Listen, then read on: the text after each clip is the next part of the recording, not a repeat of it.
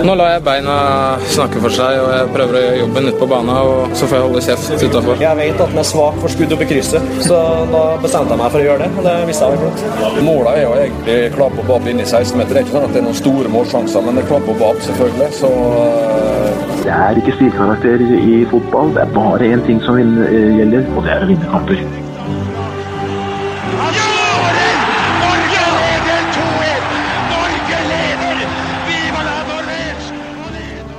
Og der er uh, toppfotball tilbake igjen. Uh, disse onsdagene hvor vi trekker inn og nesten nærmer oss midnatt fordi vi er nødt til å ha med oss NM, og vi liker veldig godt å prate om NM. Uh, og nå har vi samla hele gjengen. Alle fire er, har møtt opp. Det er veldig godt å se. Velkommen, Jørgen Kjernås. Takk for det. takk for det. Du gjorde andre prioriteringer enn en kanskje resten av panelet i, hva gjelder valg av kamp å se i dag. Ja, du, I dag ble det junior-NM med Oppsal mot uh, Drøbak-Frogn. En rysere? Ja, en uh, jevn og interessant kamp sånn sett, men det var ikke noe høydere. Det var det ikke. Men det sto 1-1 der? Hvordan endte? Ja, det ble 2-1 til Oppsal. Fin volleyskåring, men det var sånn saktegående volley. Så du så liksom at den der går inn i hjørnet, og så klarte ikke keeperen stoppe den. Hadde du satt noe Nei da, dette var litt jeg, Ren interesse? Jeg hadde tenkt å se Koffa LSK, men det, tida løp litt fra meg. Og så, eh, for jeg har vært der og spilt en annen pod, med en lydpod, som jeg har vært og babla litt i tidligere i dag. Ja, for du er litt rundt? Ja, jeg podder litt rundt, er det ikke det man sier? Nei. Uh, og så tenkte jeg egentlig jeg skulle sitte og jobbe litt her, da. Uh, men så var det noe besøk av noen Paradise-deltakere og gud veit hva, så da Det var ikke da, du sterk, ikke da, da var, Nei, der er vi ganske sterke. Så da var det Det var noe Erlend Elias-varianter her. Da, da ble vi kasta ut, rett og slett. Da ja. fikk jeg ikke være her. Og da tenkte jeg at da trase opp uh, banen får være et fint sted å være, da. Ja, det er et fint sted å være. Joakim Bårdsen, tida løp ikke fra deg heller, men du løp til Nordre Åsen. Ja, det stemmer. For å få med deg denne idrettskampen mellom eh, Skeid og Vålerenga. Mm. Deilig, det. Nydelig vær her i Oslo, så en fin tur. Ja. Eh, løp ikke ned igjen? Nei, da skylder jeg på at jeg måtte skynde meg ned her, så da tok ja. jeg trikken. Mer om den kampen uh, senere, selvfølgelig. Eh, Lasse Wangstein, fornøyd med at Velkommen, for det første. takk for det. takk for det Fornøyd med at Vålerenga kara seg videre i cupen? Ja, altså det er jo det cupen handler om. Å komme seg til neste runde mm uh, og vinne kampene man spiller. Vinner man sju, så blir man cupmester. Og nå har Vålerenga vunnet tre, så ja, strålende med det. Men Er det Karl Petter Løken vi har fått i studio? det, det kan hende. Nei, men altså, det er jo det er, det er ikke bare Vålerenga som har kara seg videre i den runden her, da, så kan vi jo si, mot uh, motstand fra lavere divisjoner. Det kommer vi helt sikkert tilbake til, som du nevnte i stad. Noen som ikke har kara seg videre også, si? Eh, det er også riktig. ja. Vi skal eh, vi rett etter dette eh, hoppe inn i rundens øyeblikk. Eh, hver og en har trukket fram et øyeblikk eh, fra runden som er. Det kan være alt fra Eliteserien til lavere divisjoner. Vi skal innom e-postkassa. Fått litt uh, henvendelser fra lyttere. Det er alltid veldig hyggelig. I Pulsen skal vi selvfølgelig snakke om NM eh, og kampene som har vært, og runden som eh, kommer. Eh, er det satt opp? Ja. Eh, det er trukket. Det er fjerde runde i cupen i dag. Ikke sant? Ja. Uh, vi må innom våre unge menn i, som er i sluttspill, gutte 17. Um, så skal vi eh, nok en gang altså, innom tredjevisjon tredjedivisjon og uh, noen useriøse seire. Og en tur helt nederst i divisjonssystemet til meget useriøse seire. Eh, eller seier Hva skal vi si målforskjell. Um, ja, og litt forskjellig sånn, sånne snacks fra breddefotballen, før vi selvfølgelig runder av med preview på neste eliteserierunde. Dette er toppfotball. Og da er vi kommet til uh, rundens øyeblikk, uh, og før det så vi, vi, fikk jo en oppfordring fra Eirik Mebø på Twitter om at uh, når det er natt til himmelspretten, så er det lov å jekke seg en liten voksenbrus i studio, og det, det, det rådet kan det hende vi har fulgt. Så på forhånd beklager, vi skal holde oss i skinnet. Men, men, et hyggelig, hyggelig, tips. Kanskje han uh, syns at vi er litt for edru i denne podkasten? Ja, kanskje vi er, vi er for flate? Kan være. At han vil at vi skal skeie oss, uh, oss, ut litt. Ja, ut litt. ja mulig. Vi får se. Vi starter med rundens øyeblikk. Eh, Lasse Wangstein, hva har du? Du, eh, i dag eh, så har jeg lyst til, for det er kanskje noe vi sjelden gjør, det er å skryte av dommerne. Så i dag har jeg lyst til å skryte av eh, en eh, dommer eh, som dømte i Sarpsborg, og det var Ola Hobber Nilsen. Eh, der får Sarpsborg på stillingen 1-1 et straffespark, hvor ballen blir spilt forbi forsvarsdelen til Molde inn mot keeper. Og så jager han eh, spissen til Sarpsborg Agger jager ballen. Gregersen, stopperen til Molde, setter ut rumpa helt bevisst for å hindre han i å nå fram til kula. Og Agger går over ende, og Hobber Nilsen eh, dømmer selvfølgelig straffe, som han skal gjøre. Helt nydelig dømt, mener jeg. Eh, veldig lett å ikke dømme på det, for ballen er langt unna Hager. Det er, det er ikke sikkert han hadde nådd den engang. Men det er en helt klar forseelse som skal dømmes på. Selvfølgelig Molde-leiren er ute og sutrer og er, ikke straffe, og Gregersen står og liksom sier at uh, han, han bare sto der, liksom, og bare hadde ryggen til han. Er, og så ser du bildene, så ser du jo at uh, han faktisk uh, hindrer han. Og Det er jo også litt bare for å ta den i forlengelsen av den kampen, da, da Mathias Nordmann får rødt kort. Det syns jeg også er helt korrekt. For selv om han står og sier at uh, hadde jeg stempla han, så hadde jeg vært tøff nok til å stå og si det. Da står han og ljuger. Fordi at det, det er ikke hardt. Det er ikke, det er ikke veldig voldsomt. Men hvis du ser på bildene og ser på blikket hans, så er han helt klar over hvor den foten blir plassert, før han løfter den opp igjen. Han gjør en bevisst handling med å sette foten litt ned på Sarpsborg-spilleren. Jeg mener også det røde kortet er en meget godt utført dommerhandling. Og ja, Molde skulle kanskje hatt en straffe de ikke fikk, eh, med nevnte nordmann i situasjonen. Men jeg syns de to situasjonene er meget godt løst av Hobber Nilsen. Men når det sagt, så syns jeg det har vært fryktelig mye dårlig dømming så langt eh, denne sesongen. Normalt sett så pleier ikke jeg være en type som gidder henge meg opp i dommeravgjørelser og sånn. Liksom, det har skjedd, og da ser jeg videre. Det, det bryr meg ikke så mye. Men denne sesongen her så har jeg tenkt mange ganger liksom, hvordan er det mulig? Hvordan er det mulig å, å ta en sånn avgjørelse? Eh, og nå sist så var det for meg eh, i Bergen, der eh, Rohit eh, Saggi dømte Brann Tromsø. Hvor Kristoffer Bermen holder igjen Daniel Berntsen og skal ha gult kort, noe han får. Men så spenner Daniel Berntsen Bermen knallhardt i leggen, og han ender opp med å få gult kort. Og da er det sånn Hvordan er det mulig? Hæ? Det er bare ikke mulig, det. Det kan bare ikke være gult kort noen gang. Det er, det er ingen, ingenting som tilsier at det skal være gult kort, men så får han gult kort, og da, da, da gir jeg opp. Klink rødt. ja, Ikke gi opp, Abortsen. Men, da, men da, er, da er det ikke vits å diskutere, Nei. på en måte. Heller, Nei, eller sånn, jeg gidder ikke høre forklaringen heller til dommeren, da, hvis ikke han bare innrømmer at det var feil, og det er rødt kort. Fordi når det skjer sånne ting, så da blir jeg litt oppgitt. Det er jo, altså Vi har jo en del regler som er, skal være ganske tydelige, og bør være ganske greie å dømme på. Eh, men det er som jeg spurte om på Twitter her, eh, hvor er den sekssekundersregelen for keeper å holde ballen? Altså Den er jo en død regel, eh, helt tydelig. eh, For ifølge tidligere toppdommer Svein Erik Edvardsen, så er ikke det en forkasta regel. Den eksisterer, men den benyttes jo ikke. Altså Du ser jo sjelden en keeper holder ballen bare seks sekunder. Det er gjerne 10-11 sekunder. Og jeg har et tilfelle fra årets sesong hvor en keeper har holdt ballen i 23 sekunder. Det er altså 383% mer enn tillatt tid. Og det legges jo ikke til for, for ballen er i hermetegn i spill.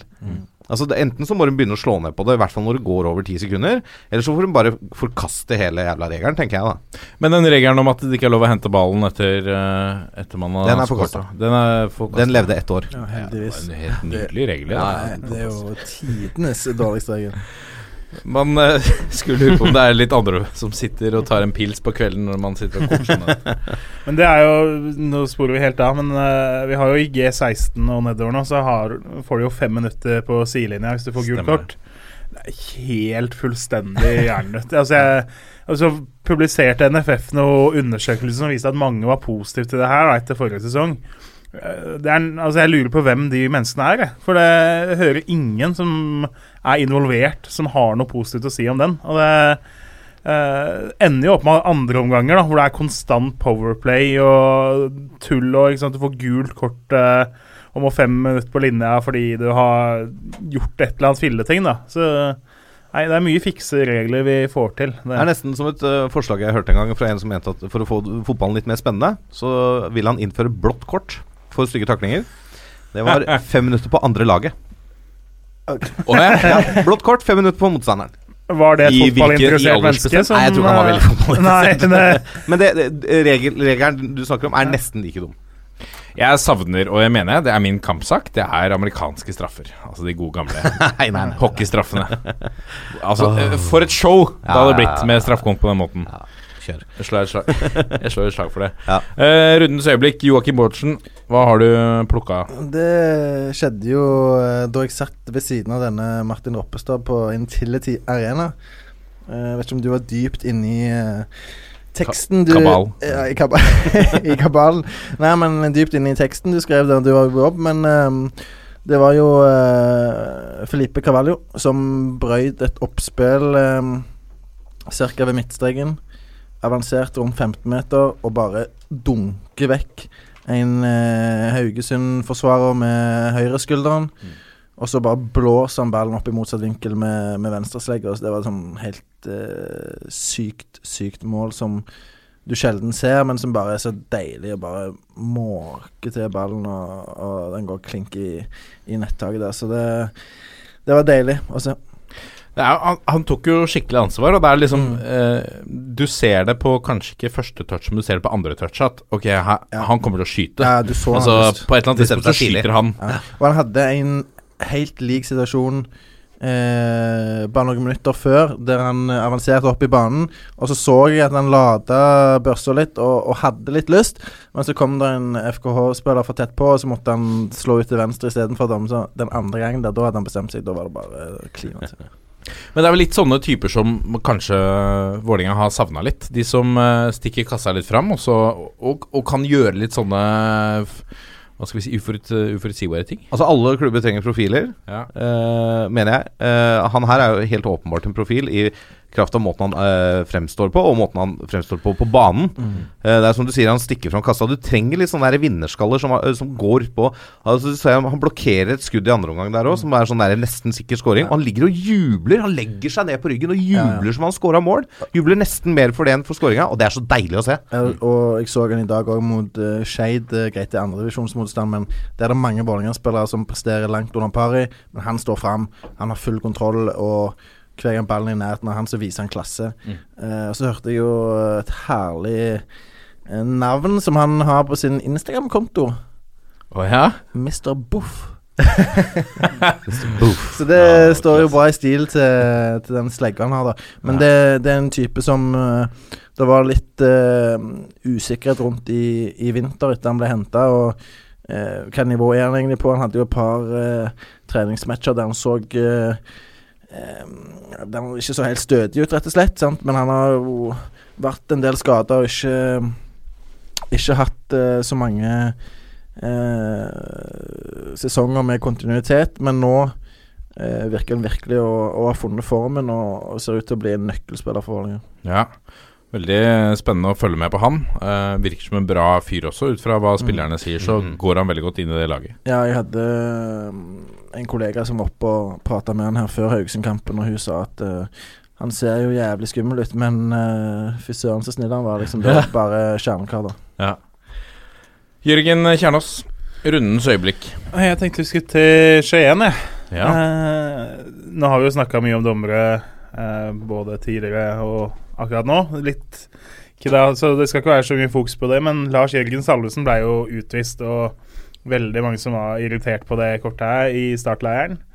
Uh, jeg, jeg tenker jo som altså, Ser man det i reprise, så er det jo et billig rødt kort. Men uh, det er litt sånn du må ta skylda selv, tenker jeg, da. Uh, han går inn med stor fart og har ikke sjanse til å nå ballen. Så jeg syns jo dommer Sigurd Kringseth eh, forklarer seg ganske logisk da på hvordan han tenkte. Og så ser man jo etter at eh, liksom Han er jo ikke så voldsom, og treffpunktet er jo ikke så gærent, liksom. Så altså, et gult hadde kunne vært greit, men uh, Han er jo sjanseløs på ja, jeg, jeg syns egentlig det er Jeg, jeg synes egentlig det er helt fint at vi viser litt At det faktisk er mulig å få rødt for sånn uten at det skal være megastygt. Men er ikke Eh, dette et sånt eksempel på en regel som på en måte ikke følges like godt? Altså En Jo, takling altså- bakfra i gamle dager skal, skal være jo rødt da, kort? og så er jo problemet, så ser jo at Daniel Fredheim Holm får gult kort for nesten nøyaktig det samme. Den var grisestygg, da. Den Ja. satte Ja. Mye jeg så på Martin. Ja. Det var, i, var vel i første omgang, der rett nærme Fløyel nede ved sidelinja. Rett nærme benken til Haugesund, og så kom Akentola med ballen, og så kom Fredheim Holm inn og bare meier ned. Og der, der tror jeg faktisk begge beina til Fredheim Lindholm er løfta fra bakken òg, og det er grisestygt, men han kom inn forfra da, sant, og, og, sidelengs skråstrek forfra, sant, og det er nok det som gjør at han ender opp med gult. da. Men det er jo litt sånn I forlengelsen av det med Salvesen, så var det var jo første seriekamp han starta siden første runde i fjor. Ja. Han har jo vært ute med skade en hel evighet. Jeg syns veldig synd på han. Sant? Jeg, eh, jeg satt jo der og tenkte på forhånd at eh, eh, det blir Jeg syns det er spennende at uh, Dempsey kjører han inn, for han er jo en Han er jo en bra spiller med en meget fin venstrefot. Sant? Spiss som, som på en måte de har venta litt på på Sørlandet at han skal slå til for alvor. Men uh, han har jo noen spennende ferdigheter. Men fryktelig retur da på banen. Så er det jo den ultimate måten å få en konflikt Mark Dempsey der, og Geir Fagermo på, da. Et litt sånn litt kontroversielt rødt kort. Det, det var ikke 1000 i odds på at de to ikke skulle være bestevenner etter en sånn situasjon. Nei, det er klart. Og så får jo da Dag Eilef nok en mulighet til å slenge litt mot en klubb som bruker mye midler, da. Og der slenger han voldsomt. Ja, det er han glad i. Det er ja, men, ja, ja. men da jeg leste det, at han, han sa liksom Dems er totalt ute Mm. av kontroll, det er ganske sterk kost. Det er ikke ofte du hører Hører noen betegne en trenerkollega I Men det er jo sånn, er, men det er sånn han snakker. Er det ikke Ja, han- han han snakker jo litt i spissen, overskrifter. overdriver. Ja, ja. Ja, ja, han gjør jo det, og det ble jo selvfølgelig overskrifter uh, overalt. Jeg eh. syns jo det er litt fint det da, at Dag Eilef på en måte ja, jeg ser, ikke jeg plukker seg ut litt sånn, og så stikker han litt borti, liksom. jeg, jeg, jeg, sier ikke at det, nødvendigvis det er over kanten, men på en måte så tenker jeg òg at det er det. Det kommer på en måte an på hvor mye sannhet det er i det, da. Mm. Eh, nå vet eh, alle at eh, situasjonen er veldig, veldig tøff i start, og Dempsey tenker garantert døgnet rundt på hvordan han skal klare å snu det. Fire poeng sant etter åtte runder sist på tabellen, det, det er krise. Eh, så det er klart at det, det er mange følelser i, i sving der. Eh, men om han er ute av kontroll eller ikke, det, det er vel heller tvilsomt. Men, uh, men, Men han blir jo sendt på banen Nei, sendt på tribunen for Mm. det han sier til Odd-gjengen. Ja. Altså til Odd-leiren eh, inn til pause. Ikke til hva han er borte og sier til dommeren. Nei. Det er det som kommer når Nei. han begynner å krangle med Dag Eilif og kompani, Ja. som er den avgjørende faktoren for at han faktisk må se andre omgang fra tribunen. Ja. Og da er det ganske grovt, vil jeg tro. Absolutt, og det, den kjøper jeg, men samtidig så er det det er drøyt, syns jeg, å si at det er noen er liksom ute av Utenfor, kontroll. ja, ja, det er- For da, da har du på en måte mista det, sant. Ja. Ja. Eh, Ditt da, Martin? Rundens øyeblikk? Mitt eh, er eh, et litt merkelig øyeblikk. eh, Rundens, eh, et av rundens merkelige øyeblikk, syns jeg. Eh, Johan Tampar Ja. og 1-1-skåringen eh, var jo gjenstand for eh, spekulasjoner fra diverse såkalte eksperter hit og dit. Eh, var det fordi han Altså, han, han- han setter inn 1-1 for Strøms, Strømsgodset, et, et lag som er litt sånn eh, underpresterer litt. Uh, man spekulerte i eh, hvorfor han uh, Han feiret jo ikke, det er det som er poenget. Han feiret jo ikke skåringen. Han ble bare stående helt sånn og se ut i lufta. Så kommentatorene trodde jo at målet var annullert. Eh, men det var det ikke. Skåringen sto. Linjemannen hadde flagget nede. Men Johan Tapar var helt uttrykksløs i ansiktet, så nesten sånn sur ut. Forvirra. Um, og så gikk spekulasjonene. Var det fordi at han ble så sjokkert over at han skåra med høyrebeinet? uh, eller var det fordi at Godset har vært så svake i det siste? De lå under 1-0, altså var frustrasjon? Uansett, eh, veldig merkelig situasjon. Jeg så du var ute og meldte litt på Twitter om det også, og spurte om eh, godsefans om de var fornøyd med måten eh, eh, feira skåringer på. Ja, Du reiser til Bodø da, fra Drammen for å følge laget ditt, og får en skåring rett før pause, en eh, utligning. Og supporterne er jo sikkert i fistel, ikke sant? Og så står spillerne eh, og bare Nei, trekker litt på skuldra, liksom. Ja. Det er veldig rart. Ja. Han hadde jo en annullert en i andre omgang òg, da jubla han jo lite grann. Ja. Uh, men den ble jo annullert, da. Men uh, Pussig, sak. det, det, det kan jo selvfølgelig hende, og det må vi ta med, at det kan jo hende at det ligger noe bak her som vi ikke vi vet. Pri- private årsaker. Men du har ikke sjekket opp i dette? Altså undersøkt uh, Har du drevet undersøkende journalistikk, Roppestad? Jeg er ikke 100 eh, journalist, vet du. Nei, nettopp. Andre Joakim? Ja. ja. Har du undersøkt Mann i shorts. Altså- Lårkort shorts. ja, lårkort shorts. En frekk, eh, kort shorts. Ta saken. Ja, altså, jeg eh, jobber jo med pluss, vet du, som du har påpekt Ja, er tidligere. Så, så det er jo Det er- bare Er ikke dette en plussak, da? Eh, ja, hvorfor feiret ikke eh, Hvorfor feirer ikke jeg? Jeg hadde den sannhet- Sannheten om uh, Jonathan Pars manglende feiring. Jeg er glad du sa lår- den? Kunne du Jeg er glad du sa lårkort shorts og ikke um, avslørt for seerne Nei, lytterne at uh, han faktisk sitter i hotpants. Ja, det er. For det, de bildene vil, vil vi bare ikke ha. Er. Dette er toppfotball. Da har vi kommet til e-postkassa, og vi begynner med en e-post fra vår gode venn Sindre Taule Sandstå, som er en ivrig bidragsyter. Eh, nå tar det helt av i studio, fordi Altså Makstein satte i gang en vifte som er kjøpt på Deal Extreme, og den uh, fikk han plutselig rett inn i øret her, så jeg med at uh, Beklager det. Beklager det. Det er i orden. Det er uh, ikke kjølig i dette studioet akkurat i dag. Sindre Taule Sandstå skriver bra podkast. Hva tenker dere om uh, Tobias Lauritzen? Altså Da vil han, påpeker han uh, sikkert uh, Altså Grunnen til at han spør om det, er sikkert med tanke på skåringen som Ja, så gjerne han har hørt at vi har pratet om han tidligere òg, Ja. som en mann som banka en mål for Pors i tredjedivisjon i, i fjor, og fikk muligheten i, i Odd i vinter. Ja, han uh, skårte jo sitt første endelig i Eliteserien. Det er jo litt sånn at den er jo litt interessant, den spisskampen i Odd, og det har vi jo snakka litt om. Eh, så han må jo ta vare på de sjansene han får som innhopper nå, da.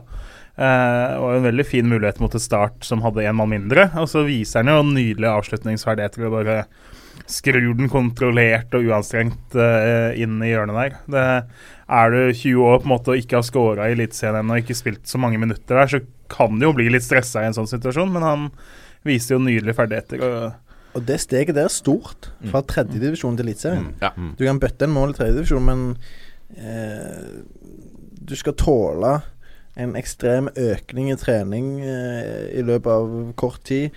Eh, et langt høyere tempo. Eh, du skal Du må tenke kjappere. Du må tenke kjappere, men så skal du dra med deg den selvtilliten du hadde fra tredjedivisjon, eh, og, og beholde den, selv om du gjerne eh, får en tøff hverdag. Eh, eh, langt tøffere hverdag enn det du hadde fra før. Så liksom at han eh, Og så var han ute rundt en måned med kyssesyke og i tillegg i vinter. Så at han eh, eh, virket å være på et veldig bra nivå nå, det er imponerende. Men det er jo en spennende spiller. Altså Det er jo det er jo Absolutt. alltid gøy med folk som har den der egenskapen til å score mye mål. Mm. Eh, og det er gøy å se om de klarer å ta nivået. Eh, så det er, altså Odd har jo en uh, potensiell uh, startspiss her i år fremover, hvis de klarer å foredle han riktig.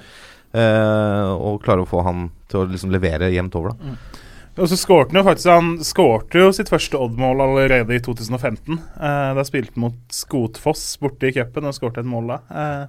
Så viste det jo akkurat Lasse et mål han skårte i serieåpninga mot Stabæk 2 for Odd 2. Eh, da får han ballen, avanserer litt, tar god plass. Fra 18 meter så bare chipper han ballen elegant over keeper og inn i lengste. Altså, det, det ser liksom ut som han spiller med hvilepuls og avslutter med hvilepuls. da Og det er jo et godt tegn for en som skal skåre mye mål. Og er du en god avslutter, så kan du skåre på uansett hvilket Mm. nivå det er snakk om. Eh, bare selvfølgelig, du får jo færre sjanser, men, men kan du avslutte, så må du, handler det bare om å komme til sjanse. Ja. Ja, og Det er kanskje litt av utfordringen når du går opp så mange nivå. Det er å komme i de Mm. posisjonene til at du er i skåringsposisjon. Men når du først er i skåringsposisjon, så er det mye av det samme jobben. ikke sant? Det er, målet er like stort og alt det der. Sånn sett tøffere å gå fra tredjevisjon til et litt dårligere eliteserielag, kanskje? Hvor du får mindre sjanser? For Ja. Da blir det tøffere å Jo da, men han kommer jo til et. Odd-lag som har slitt litt i år, men som det har løsna litt for nå i det siste. Mm. Men samtidig så er det et Odd-lag som er veldig fast i måten de spiller på. Og de har spilt sånn i mange år, og det er ve- veldig definerte roller på banen. Altså, det er ikke noe tvil om hvordan et Dag Eilef Fagermo-lag ser ut. Og- Det er en trygghet i seg selv. Og uten, å- uten å ha sett mye av han i Odd eh, denne sesongen, av naturlige årsaker, så ser han ut som en spiss som passer veldig bra i 4-3-3. Mm. Han har høyden eh, og fysikken til å være en midtspiss der som, som eh, i et sånt system ikke skal være veldig mye involvert i banespillet, men han skal ligge i boks, strekke og, og avslutte. Ja, bare for å øh, kommentere det. Jeg mente ikke at Odd er et dårlig eliteserielag. Nei, nei, men øh, det. kontra å gå til et, et lag øh, Altså som Rosenborg, da, som vi har hørt noen snakke om at bestemora, bestemora di kan, kan stå innenfor kassa og putte, for du får så mye sjanser at du kommer til å skåre. Men det hvert, ser vi jo nå ikke stemmer. Ikke sant? Ikke sant? Um, bra. Eh, Sindre Taule Sandstå eh, Sandstå, unnskyld, eh, spør også Eller han kommenterer vel at eh, litt som vi har snakket om her, at eh, keeperen til, eh, til Kristiansund. Nei, keeperen til jo, Stabæk. Stabæk uh, går ut fra streken. Ja. På, og det har vi vel kommentert også før. Det kom jo. Wangstein med en, en klar tale om i forrige pod. Ja, eh, det er jo som Ashak Falk mot Glimt. Han går ut fra streken før skuddet tas. Eh, hadde Kristiansund bomma der, så skulle den straffa blitt tatt på nytt. Ja. Eh, så ja, det er helt riktig. Han skal stå på streken til, eh, til det er kontakt med ballen fra straffeskytter. Eh, men du ser jo det alltid. At keeperen flytter seg og stjeler en halvmeter til tre før skuddet går. Det går fort. Det er snakk om tideler. Men det skal slås ned på. Kanskje også hvis dette er noe de velger å, å skal slå ned på, da, sånn som de har gjort med andre ting i neste år, kanskje man skal få rødt kort f.eks. For å gå ut fra streken. Gult mener jeg holder. Gult og ny straffe. Men er det ikke gult kort? Er ikke det Ja, det er kanskje, regel? men jeg mener det holder med gult kort og Altså, du eh, Ja, du kan ikke for det, utvise noen, Nei, for å få det- dette til å bli en regel som funker, Ja. så må du begynne å bruke regelen, da. Ja. Når, det, når de bommer. Men Mm. da er dette en sånn type eh, halvveis eh, sovende regel som eh, de dommerstanden må opplyse om i forkant av sesongen at det nå kommer, Sats, ja. ja. nå kommer vi til å være ekstra på vakt og, og slå ned alle mann på dette her, hvis det skjer. Ikke at det er bare én dommer. Nei, nå tar jeg plutselig han som går en halv meter ut fra streken, og så gjør jeg en annen. Ingenting med en som går halvannen meter ut. Sant? Da blir det bare tull. Så her, Ja. må, her må enten alle på jobb, eller ingen. Ja. Eh, jeg, får stadig mail fra min far, uh, Jørgen Kjernås. eh, og det kommer nok til å fortsette så lenge Ørn Horten fortsetter å vinne kamper. For eh, du eh, før sesongen eh, omtalte Vindbjart som en av de store opprykksfavorittene. De ble nå beseiret på bortebane. 5-0 av Ørn Horten i Ja, gjorde jeg det? Jeg har tatt så i på Vindbjart. Og Pors og Tønsberg. Stort spørsmålstegn jeg, har, gjøre jo- jeg har jo endt opp med si, å tippe Jeg har jo Tønsberg 1, Pors 2, Ørn 3 og Vindbjart 4. Ja, eh, så Vindbjart har jo mista et par viktige spillere. Ja, Vindbjart har jo mista 100 mann. Eh, men uh, har en grei elver fortsatt. Men viser jo da at eh, de har et stykke opp. Uh, Porsche har jo starta katastrofalt. Uh, har vel ett poeng på de fire første. Leda på overtid nå mot Sandefjord 2 og endte med å tape med to overtidsskåringer. Så Uh, Nei da, jeg skjønner jo at man koser seg som Ørn Horten-patriot for tida, men nå har de vel både FK Tønsberg og Porsche i de to neste. Eh, så da skjønner jeg jo at eh, hvis det ender med en del poeng, at det kommer noen mailer eh, da òg. Blir nok ikke siste Eh, e-posten. Nei, og klart, og ender de med null poeng, så får vi vel kanskje omtale uansett, si. Nei da, men det, de ser jo bra ut, og så lenge både Porsche og Vindbjart ser veldig svake ut, og Start 2 har stilt kun ungt og ingen fra stallen så eh, begynner det å se lyst ut. Ja. Det gjør det. Vi tar med en, eh, en tweet fra Ruben Wold som eh, lurer på hvordan er det med billettinntekter og sånt i cupen. Er det hjemmelagene som får alt? Eh, det går til kanapeer på Ullevål stadion. Samtlige øre. Men hvis ikke, hvis jeg ikke, jeg, hvis ikke jeg bommer totalt der, så mistenker jeg at denne Ruben Wold eh, er Bryne-supporter. Så han er ekstra opptatt av hvordan det går med disse Ikke inntektene. sant. Eh, det er så enkelt så vi måtte sjekke her. Det står i uh, kampreglementet til NFF. Eh, første, andre og tredje runde så beholder hjemmelaget alle inntekter, og bortelagene betaler alt det koster dem å komme til kamp osv. Uh, og hjemmelaget betaler da selvsagt også alle utgifter de måtte ha ved kampen. Eh, så veldig, veldig rett fram meg. Fjerde, femte og sjette runde, altså åttedels, kvart og semi. Da skal bortelaget ha 15% av brutto billettinntekt. Så hvis jeg selger du billetter for en million, da, så skal bortelaget ha 150 000. Eh, fører de 150 000 til at det blir noe underskudd eh, på kampen for hjemmelaget, så skal de ikke ha så mye. Da skal de ha eh, så mye at kampen går i null da, for hjemmelaget. Så da blir det ikke 15 Så hjemmelaget skal ikke gå i underskudd pga. de 15% men det er vel kanskje godt gjort òg, for alt jeg. Eh, Ja, det høres cupens ja da, rundt. så vi kan vel si at um, med noen få sære unntak, så er det 50% av billettinntektene bortelaget skal ha, da. Ja. Eh, og så i cupfinalen så betaler da NFF uh, reise og utgifter for inntil 25 personer, og det er det, på en måte. Ja. Men er det ikke noen sånn reisekasse og sånn? Jo da, sånn du, og så står det at du kan jo eh, gis økonomisk støtte ved spesielt kostbare reiser etter søknad, da. Ja. Eh, og det dekkes av cupkassen. Så si at Fyllingsdalen skulle fått Bjørnevatn borte på en onsdag, og må kjøpe fri spillere fra jobb og kjøpe flybilletter via Oslo osv., så, videre, så ville de nok fått eh, dekka en del av den uh, turen. Uh, men da måtte de søkt om det, og hvor mye de har fått det, står ikke helt spesifisert. Nei. Det er uh, godt. Da har vi dekket uh, lyttespørsmålene for denne uka, tror jeg. Det kommer litt flere også rundt NM, men det tar vi i pulsen. Uh, forresten, Jon M. Klæven lurer på om det blir noe fantasy, eller? og det kan vi vel Vi kan jo gi en oppdatering på Fantasyligaen neste episode. Det kan vi gjøre. Ja. Du tenker at nå skal du ha et sånt siste det, det er jo litt slitsomt når man skal prøve å oppdatere hvordan det ligger for oss fire. Så Finner jeg, jo, jeg finner jo Joakim ganske i nærheten av meg, men uh, resten er litt Jeg lurte jo på her en stund om dere to andre faktisk hadde meldt dere på, for jeg måtte jo bla så mange sider i den toppfotballgruppa. Du har vært ganske, ganske cocky ganske lenge her nå, Veldig. Du må, du må, sette den på plass, uh, Joakim. Altså, etter, etter, runde én her så begynte du allerede å spørre uh, hvor mye andre var henne. Men, Har dere huska å melde dere på, eller? er, det, er det ikke med i år? Men, men, men, ja, ja, det er lov, det. Ja, det er stort sett så går det så dårlig at det, det er lov å være litt uh, oppå når det går bra. Jeg hadde tre startspillere fra, uh, i, i, de to første rundene, og jeg ga de fortsatt tillit ganske lenge. Og der har du grunnen til at uh, det har gått til helvete foreløpig. Men sesongen er lang, mister. Ja, mm. jeg gjorde det brukbart, og så bytta jeg inn Markus Pedersen før de skulle spille mot Tromsø i runde to. Bad mistake. Og så ble den avlyst, eller utsatt. Og så bytta jeg han ut, og så bankte han inn en del skåringer som gjorde at uh, jeg havna ganske langt bakpå.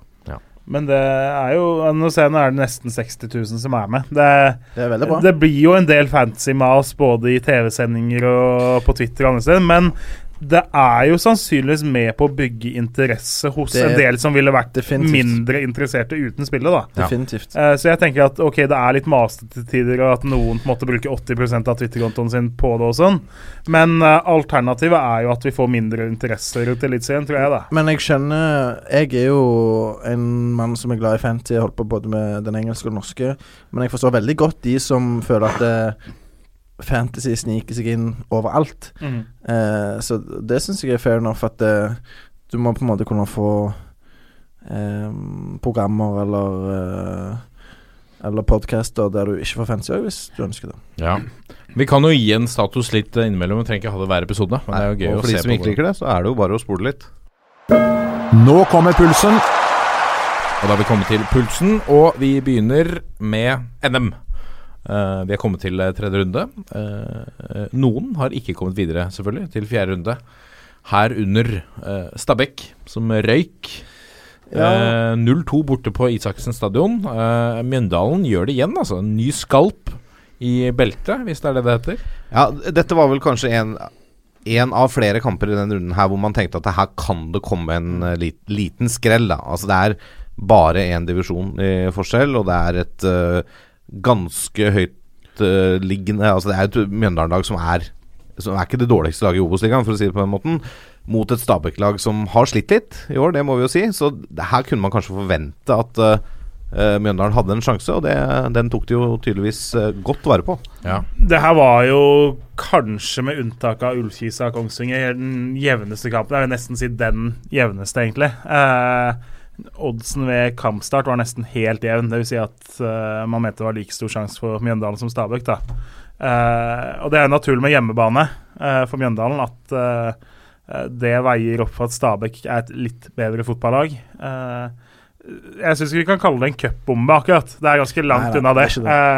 det. er jo et eliteserielag som ryker, men det var den mest venta exiten vi kunne få fra et eliteserielag. Og Mjøndalen står veldig bra til det Stabæk-laget eh, som eh, liker å spille fotball og, og mm. gjerne har eh, litt vel høy risiko til tider. Og da kan Mjøndalen eh, straffe de og, og utnytte de bruddene som eh, de fikk. Og det er jo det er jo ikke bra for Stabæk. De, de har ikke funnet ut av det foreløpig så langt i 2018. De de er ennå på sånn gyngende grunn. Mm. Um, det kan fremdeles gå veldig fint. Uh, ende opp med å, å, berge plassen på en grei måte, men det kan òg bli en, en, veldig tung sesong for Stabæk. Um, det gjelder for de å, å stable ei rekke med bra prestasjoner og egentlig aller helst gode resultater eh, på beina her, fordi at eh, så lenge du taper og taper og taper kamper, eh, eh, eller ikke vinner, eh, så er det vanskelig å, å eh, på en måte få den gode følelsen og, og den lagmoralen og, og den gleden som du skal ha ved å spille fotball. Mm. Mm. Eller så var det ikke noe, noe bomber. Altså, Bryne slår Sandnes Ulf. Det igjen, altså det er Jevn match, egentlig. Ja, ikke sant. Det er en- Det er én divisjon i forskjell der også, og det er lokaloppgjør. Og Bryne tok Viking i forrige runde. Ja, ikke sant. Så, så det er heller ikke noe sånn bombe, kanskje det vi da omtalte i forrige runde som en kinaputt. Men bortsett fra det, så tar jo favorittene seg videre i, eh, i, de, i den runden her. Men det er jo noen som Ja, og- sliter litt mer enn andre. Og, og jeg tenkte i forkant av den runden òg at uh, Skeid Vålerenga og KFM Lillestrøm var to andre potensielle eh, kamper der vi kunne faktisk fått bomber. Da, for det er jo mer bomber. Andredivisjon mot uh, eliteserie. Men uh, der uh, klarte jo begge de eliteserielagene å ta seg videre. Men Notodden-Odd, da? Der også kunne det spille. Det er jo, et altså, lag det som er- er i dytten. Ja, det er jo mye Altså, Notodden røyk jo på straffe mot Odd. Det er jo klart at uh, det er jo ekstremt jevnt. Eh, Tromsø, Tromsø må ha ekstraomganger mot Alta. Mm. Ra Eh, Ranheim sleit mot Levanger. eh, lå under det. der. Ja. Altså, Målet, første mål til Levanger er jo årets mest spesielle scoring i norsk fotball. Det blåser jo litt i Levanger. Eh, det blåser veldig mye i Levanger eh, onsdag 9. mai, tydeligvis. Eh, det ser jo ut som en sånn der glitch på Fifa. Hvor ballen er på vei omtrent mot hjørneflagget og way beyond, og så bare får den en sånn perfekt tatt av vinden-scene hvor den bare suser inn over eh, Bali i Ranheim. Så det er flaks som fy, men eh, det, det er jo en minneverdig scoring. Ja. Og så har de jo Bodø-Glimt redda jo straffe mot Mjøndalen og unngikk ekstraomganger der. Mot Mjølner, tenker du. FK Mot Mjølner. Mjølner, ja. Mm. Eh, og ellers så Så er det jo mye ettmålseiere. Start eh, og Brann avgjør med 1-0 i annen omgang der etter 0-0 til pause. Godset vinner jo 3-0 over Bærum, men også 0-0 til pause. Rosenborg 1-0 mot 0-0 til pause og vinner 1-0. Eh, Haugesund skårer på overtid og unngår ekstraomganger mot nest Sotra. Så eh, det er jo egentlig ingen som har bada seg videre og bare kunne kontrollere. Det har vært en uh, hard kamp for å gå videre. er bare en liten sånn høne å plukke på Haugesund der. Uh, han spissen til Haugesund, som er broren til han Gytkjær? Ja. Fredrik? Kan ikke folk bare kalle han Gytkjær, da? Han heter Gytkjær. Ja, NRK Grytkjær. Gry- Grytkjær går ikke. Jeg har Grytkjær, men Gytkjær. Ja, ja. Gytkjær. Men altså Grytkjær, sa han på NRK. Eh, kommentatoren i samme kamp hørte jeg i bakgrunnen. Grytkjær avgjør kampen. Det går ikke. Nei, det heter ikke det. Men dette Les- er en ganske vanlig feil. som Veldig vanlig feil, men Ja. les nå hva navnet er, da. Ja.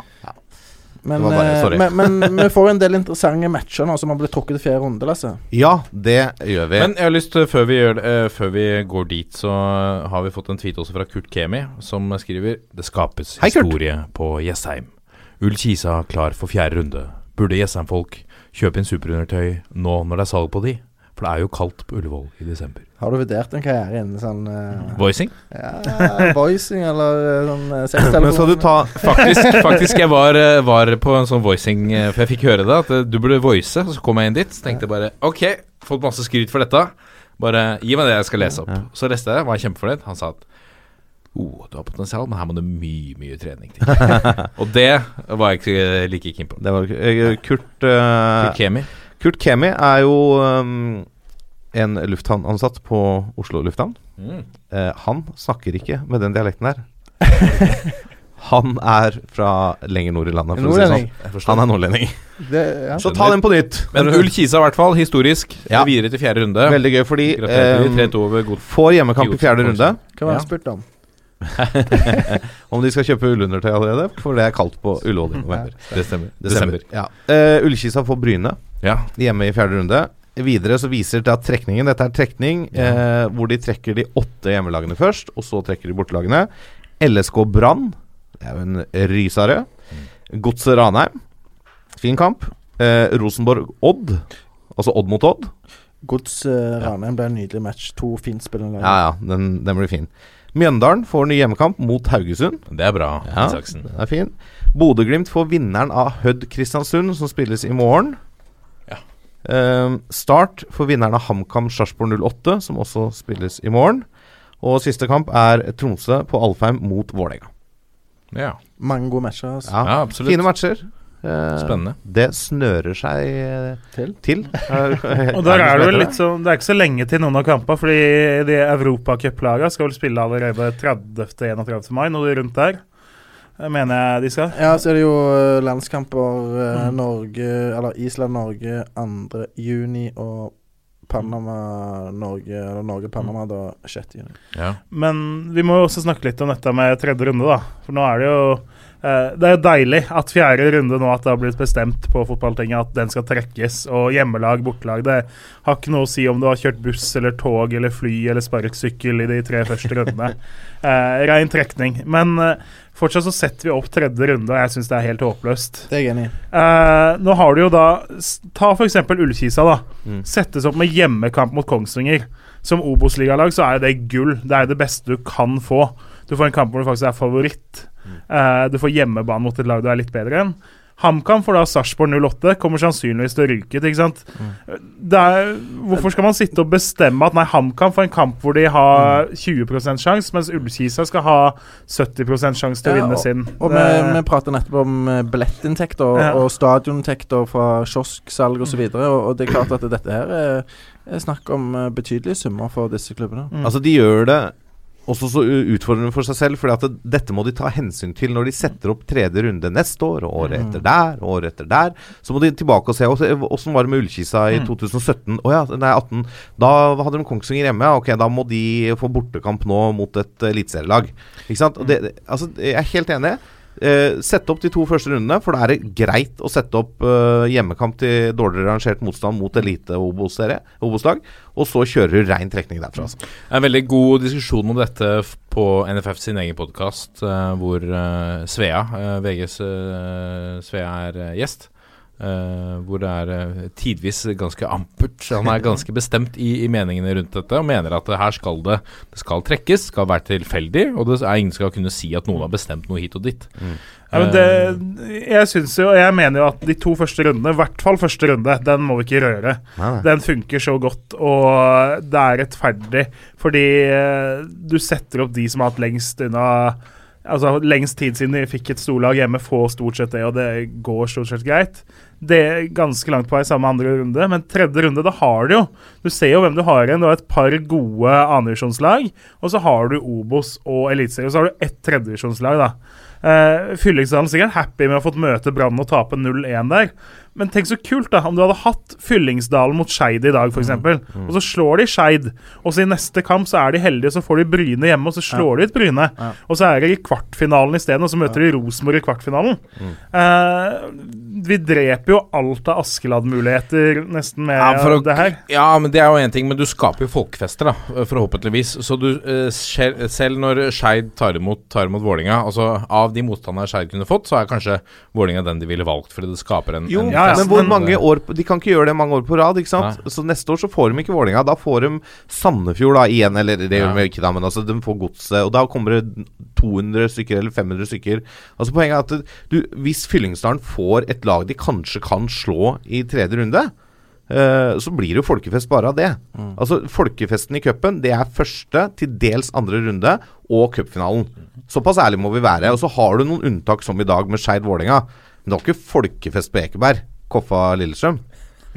Nei, og så er det ikke sant, det er, jeg, Hvorfor jeg, Hadde jeg vært HamKam-supporter, så hadde det irritert meg hvorfor skal Ullkisa nå få møte Kongsvinger hjemme, mens vi må møte Sarpsborg, som er så gode at de Ja, kommer ja. til å slå oss ut. Uh, og så ser du at Ullkisa får da Bryne, som er det svakest rangerte laget. De er jo griseheldige med trekninga i fjerde runde, og så tenker du at faen, det kunne vært oss. Uh, Ullkisa bør jo nå komme seg videre til kvartfinalen ganske uanstrengt, ikke sant? Ja. Men, men før vi går videre fra NM-runden som uh, egentlig ennå pågår, da, i og med at det er noen matcher uh, etter vi spiller inn uh, denne podkasten, så syns jeg det var interessant å se KFM Vålerenga i dag. Og Uh, Skeid Vålerenga. Skeid Vålerenga. Selvfølgelig. Eh, og Skeid eh, De gjorde en god match. Eh, en veldig fin figur. Eh, ble langt ifra utspilt i den kampen der. Taper 2-1, men eh, eh, har et par store sjanser på stillingen 2-1. Eh, en heading annet som går eh, rett over mål der. Eh, og de spiller fin fotball. Eh, Målet er jo nydelig.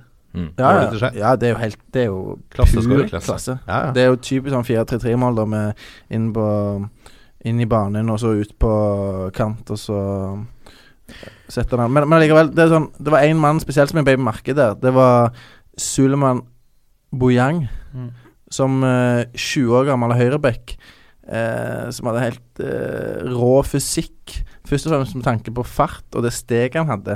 Eh, bedre i første omgang enn i andre. I andre hadde han eh, eh, et par sånne manøvrer som viste at han var litt eh, uskolert og uferdig. eh, eh, som snudde seg 360 grader rundt, annet når eh, han ble utfordra av Bård Finne, og Finne dro i skuddfinta. Sånne ting som du ikke kan gjøre. Men eh, allikevel, hadde jeg vært i eh, en eliteserieklubb og jobba der, eller i hvert fall i en Obos-ligaklubb, så hadde jeg sett, mm, sett på navnet hans og, og fulgt han ganske tett denne våren her. Og, og tenkt på om det var mulig å hente han for å For å skolere han litt eh, taktisk, og da gjerne sitte med en meget god høyreback som eh, har iallfall eh, alle fysiske forutsetninger for å være meget, meget bra.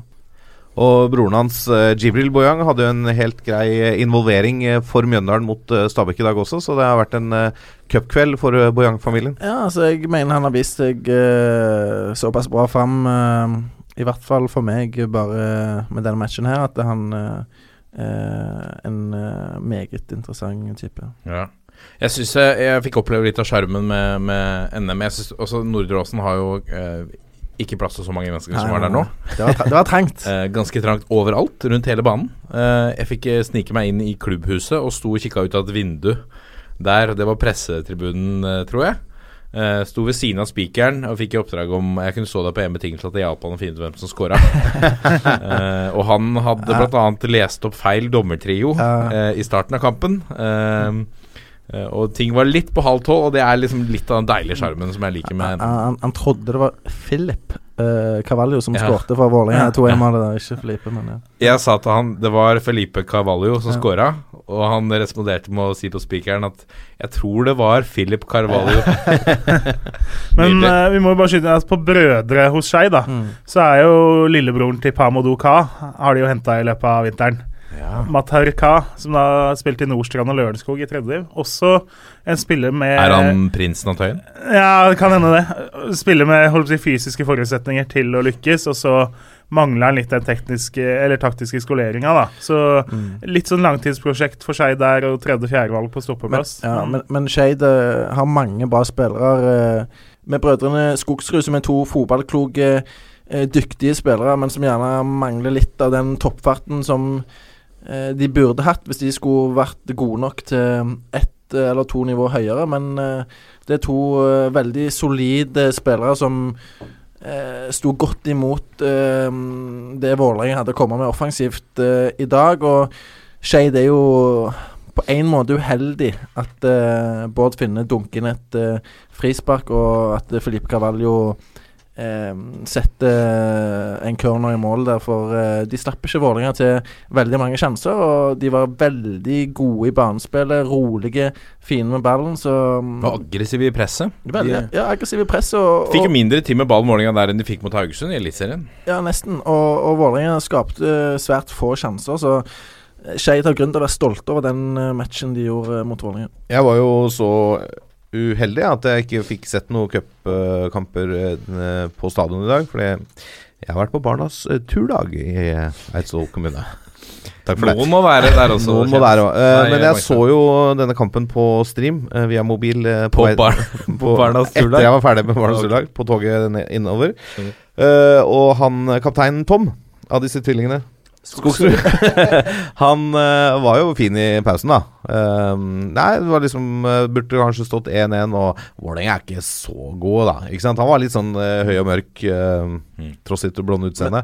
Og det liker jeg, da. At Ja. det meldes litt. Og det hadde han lov til etter Ja, ja, den eh, omgangen da. Jeg syns Skeid ikke gjorde seg bort i det hele tatt. Fra noen eh, lovende unggutter til andre. Eh, G17-EM ruller for fullt, eh, Kjernås. Våre menn, gutter, har fått en god start. Vi hadde en uavgjort mot Portugal, og så etter det så dunka vi selveste Sverige. Ja, det, når du, kjære lytter, hører dette, så kan det hende at Norge er videre, eller i verste fall ut av mesterskapet. Eh, møter jo Slovenia i avgjørende kamp. Det skal en del til for at Norge ryker, men eh, Uh, sett veldig bra ut. Uh, Thomas Rekdal avgjorde jo kampen mot Sverige. Han skårte jo også to mål mot Sverige i en treningskamp i vinter på La Manga, eller i hvert fall i Spania. Uh, og skårer da to mål nå. nevøen til Kjetil Rekdal. Så vi er jo kjent med at viktige landslagsmål kommer fra en Rekdal sentral på midten. en juvel som har fått starte kampene for Fredrikstad nå fram til han dro til EM. og hvis man i Østfold har vært bekymra for at han skulle havne i en større klubb, så tror jeg man skal være enda mer bekymra nå. Mm. Uh, og det er jo andredivisjon de snakker om, altså jeg ikke rykker opp, mm. så bør han Ja, men han er såpass heit at det, han kommer til å få en del gode tilbud i løpet av sommeren. Uh, ja, for det er mye klubber og kikker uh... Ja, ja, det er, altså, det er, jo flere speidere og agenter enn uh, tilskuere på tribunen. Men, det er det jo. Men skal du dra til utlandet, da? Eller skal du gå til en gjerne norsk eliteserieklubb i stedet. Jeg uh, mener at uh, i hans alder uh, så er det lurere da å gå til en uh, eliteserieklubb og, og få bli matcha der og være i kjente og trygge omgivelser og med folk som kjenner deg godt. Ja.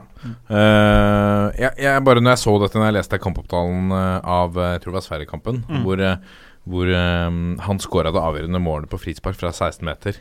Så gikk tankene tilbake til Kjetil Rekdal mot Ungarn hjemme på Ullevål i eh, 1997, tenker jeg. Ja, eh, hvor han jo setter inn tre mål eh, Siste ti. Siste ti minuttene. Ja. Uh, og hvis han har den samme evnen til å, til liksom å, å sette fram kassa mm. og, og, gjøre det avgjørende her, så er det Dette er veldig lovende. 16 år, gutten. Det virker jo som både G17 og G19-landslaget til Norge er fullt av uh, uh, unggutter som har en uh, veldig sterk mentalitet, som er uredde og, og mm. fryktløse. De elsker jo å vise seg fram og, og virker som de trives når det står mye på spill. Ja, Runar Hauge også, lillebroren til Jens Petter. Mm. fått proffkontrakt i Glimt nå, gjort det bra. Uh, har vel fortsatt en litt sånn uh, Jeg leste en uh, sak i, Nettavisen i dag om at han han sliter med at timeplanen hans er satt opp etter Dette er sånne små Altså sånne utfordringer da, som er veldig store for han, men som man ikke tenker over. timeplanen hans var tilpassa at han ikke var, hadde proffkontrakt, så han trente ikke hver dag. så nå må skolen gå foran, så han får ikke trent med Glimt hver dag, f.eks. Og Det er jo en litt sånn spesiell situasjon, men uh, virka som en, en uh, fyr med, med, ganske mye i hodet, og var ganske klar på at uh, karrieren kan ta slutt når som helst. Det er viktig å fullføre skolen. Og, ja, så mangler jo i et par mann som kunne vært med òg, og så er det jo litt sånn at på Mathias Kjøle, sønnen til Mark Kjøle, sitter jo på benken fordi han er ganske mye samme spillertype som Thomas Rekdal. Uh, men er jo også en klassespiller. Uh, som har dratt veldig tidlig ut. Som har dratt i PSV. Og så er det uh, Det er en Altså, to av stopperne spiller jo i Obos-ligaklubber. Kolskogen har jo spilt en del for Åsane. og så har du Valberg i Levanger, som er litt sånn Sitter en del på benken, ikke spilt så mye. Tredjestopperen, for vi spiller jo 3-5-2-variant, heter Harald Martin Hauso. Vålerenga-spiller. Han litt for sped Altså, han er liten, spesielt til å være midtstopper, da. Uh, men ellers så spiller han med en ro og klokhet, og så liksom uten å skulle dra noe sånn der Canavaro-sammenligning altfor langt, da, så uh, er det på en måte bare høyden og liksom vekta han omtrent mangler på å være en superspennende midtstoppertype, da. Ja. Uh, så han, han, har imponert meg av de mindre kjente, av de som ikke er i utlandet allerede. Og så har vi Noah Sean Holm, sønnen til Dave Nilsen, som jo imponerer også. Som, og der må jeg si at jeg ble, ble jeg litt glad av å lese. Det er en 16 år gammel gutt som er midt i den alderen fortsatt hvor Real Madrid, Barcelona, de store ligaene er det, er det store i, i, livet, eller i, i, i fotballen. Uh, og han har fått oppmerksomhet fra danske Bollunionen, som ønsker å knytte han til sine yngre landslag. Hvorpå han melder direkte tilbake at um, Uh, han vil uh, heller uh, Altså En ting er at han føler seg mer norsk, kanskje, men han vil mye heller være med på norsk fotballs utvikling, for han har veldig stor tro på det som skjer nå. Ja, det er kjempehyggelig Eller det er veldig fint for oss som er glad i norsk fotball, å høre sånne ting, da. Ja, veldig, altså. Eh, og én ting er gleden ved, ved å, at en av de store talentene velger, velger Norge, kontra Danmark, som er eh, flinke på spillerutvikling, som satser på unge talenter, og som er en bra fotballnasjon. Som er i VM. Som er i VM, ikke minst. Men også dette at han har Han ser noe av de samme tingene som uh, Kanskje vi også ser litt at her Altså, det, det går fremover her, sakte, men sikkert. Uh, som vi er inne på, det gjøres veldig mye bra ting på G17 og G19. Uh, U21 har vi levert bra på i, i mange år nå, så eh, veldig positivt signal fra Noah Strandholm. Og jeg tenker viktig for, for eh, de uh, unggutta som er på hans alder og lavere, at de ser at ok, en av de som har troa på dette, da. Ja, og så, og så tar han et valg Altså, han kan jo endre når han blir, før han blir seniorspiller, og gå, og gå til Danmark da. Men han tar jo et valg nå om å spille for Norge. Men det er ikke noe sånn der mas om at uh, Altså, nå må dere låse meg og sånn. For den der som har kommet fra en del spillere som til slutt har fått spille for litt mer eh, obskure land, kanskje, hvis vi Ja. kan si det. Om at ja, nå, nå må Høgmo ta meg ut, eller nå må Lagerbäck ta meg ut for at jeg må få spille og må låse meg, liksom. Den er ikke noe sansen for. Du må være god nok for å bli tatt ut på landslaget. Vi kan ikke gi deg en landskamp bare for at du, du skal låses, liksom. Nei. Du kan ikke sutre deg til landslagsplass, altså. Nei, jeg syns det er fint at man ikke gir etter for heller. Folk ja. tas ut når de vurderes som gode nok. Er helt enig. Vi eh, må Altså eh, Så langt i år så har vi eh, Så har vi sett noen eh, Hva skal vi kalle det Litt eh, i overkant store seire i, i tredjevisjon uh, Kjernås. Og nå eh, Nå i, i eh, På søndag så fikk vi et nytt resultat hvor Ullern slo Hødd 2 med 13-0. Ja, eh, vi har jo snakka om en 14-0-kamp her for ikke så lenge siden, i eh, tredje, og så får du da 13-0 nå. Hva er det som skjer? Eh, ja, hva er det som skjer? Eh, Hud 2 er jo et veldig ungt lag. Uh, Rykka opp fra en ikke altfor sterk fjerdedivisjonsavdeling hvor det er store gap og, var liksom få opprykkskandidater. da. Uh, Så drar de jo da ned til Oslo, så dagen etter så skal de spille førstelagskamp mot Vålerenga 2. Så du tar jo ikke med deg noen som du har planlagt å bytte inn uh, i den kampen. Uh, så de drar jo med eh, reservekeeperen og eh, Bader Rahoui. Eh, som er, også ellers er det kun gutter som da er eh, juniorspillere. Mm. Eh, så har jo den samme gjengen da holdt en annen opprykksfavoritt i Oppsal. til- Tapte de 2-4 mot, var lenge jevnt. Tapte 2-4 mot uh, Drøbak-Frogn, hvor de leda. Uh, så de har på en måte stilt samme lag uten å bli uh, utspilt helt før, da. Eh, men her Ullern leda jo, det tok vel eh, noen sekunder omtrent før de leda, så leda de 3-0 etter eh, 8 minutter eller 12 minutter eller et eller annet. Og så var det 8-0 til pause, og så blir det 13-0. og det Klart, Ullern er et veldig godt uh, tredjedivisjonslag som har hatt mye stang ut og brent masse sjanser i de første kampene. Holdt jo på å slå ut Stabæk av cupen. Eh, men så blir det jo en sånn dag hvor sant, alt går inn, da. Eh, men den Det gjør jo ikke det heller, for hvis du ser den høydepunktvideoen fra kampen, så brenner det jo svære sjanser, og det det skjer jo et eller annet når du begynner å ligge under 3-4-5-6-7-0. Ikke sant? Så er jo et eller annet med det der at du, du gir jo litt opp, selv om du ikke tenker det selv at nå gir jeg opp. Så er det jo noe i fotballgenet ditt som gir litt opp da. Ja. Uh, men en merksnodig fotballkamp, og det viser jo litt at eh, det kan være stort nivåsprang fra de som kommer opp fra fjerde til de beste lagene i tredje. da. Ja. Eh, I hvert fall for noen av dem. Uh, men vi hadde jo, når vi snakker, jeg må jo skyte nå, vi hadde jo Junkeren, som vi snakka om vant 14-0 over Sortland. Yes. Ny hjemmekamp nå, nøyde seg med rolige 8-0 over Korsvoll. Så de har 22-0 på to hjemmekamper uh, den sesongen her. Uh, og da er det jo igjen sånn at Ivar Unnhjem skårte to mål. Han er oppe i ni mål nå den sesongen her. Det er mestskårende. Uh, men så er Emil Pettersen er på seks mål. Det vil si at de to har 15 mål til sammen. Eh, på de fire øverste nivåene i norsk fotball så er det kun Ullern, som da vant 13-0, og Viking, som har skåra mer enn de to gutta her har aleine for Junkeren. Så de to gutta har skåra like mye som, eller mer enn resten av norsk fotball fra tredje nivå opp. Her aner vi en uh, kandidat årets stang, kanskje. Det gjør vi. Eh, men de må fortsette å score, da. Eh, det holder ikke å sette disse måla, syns jeg, og så, og så stoppe etter dette. Nei da, nå har de jo de har 26 mål altså på fire kamper. Det er ganske vanvittig. Eh, men Det er helt useriøst. fikk jo stryk da med 5-1 mot uh, Lyn, så, men likevel. De uh, Inne i egen hall så har de tydeligvis utvikla noe knep for å forstå kunstgresset, eller om det er noen magneter i nettet, eller hva det er for noe. Det, de har i hvert fall vært veldig gode der. Jeg har snakka med Henrik Roppen, som hadde en veldig spesiell uh, søndag. Han uh, var først uh, tilskuer på da hans Altså Hødd. Han, Hødd er hans hjemklubb. Han var først tilskuer på, på CC Vest Arena, og så Ullerners banke andrelaget til, til klubben i hans hjerte med 13-0. Før han senere på kvelden var med å slå Romsås 2 med 30-1. Er For Lokomotiv Oslo 3. For Lokomotiv Oslo 3. 31. Det er så Ja, sjukt, det. la oss eh, bare høre på det. Dette er toppfotball. Henrik Kroppen, du hadde Kan vi kalle det en eh, altså tidenes fotballsøndag? Ja, vi må nesten si at det, det er tidenes sånn målrike søndag, i hvert fall. Eh, først var jeg på Ullern og så eh, Hødd 2 mot Ullern. Jeg er jo Hødd-patriot, som var på sin plass. Endte dessverre med et 13-0-tap for Hødd 2.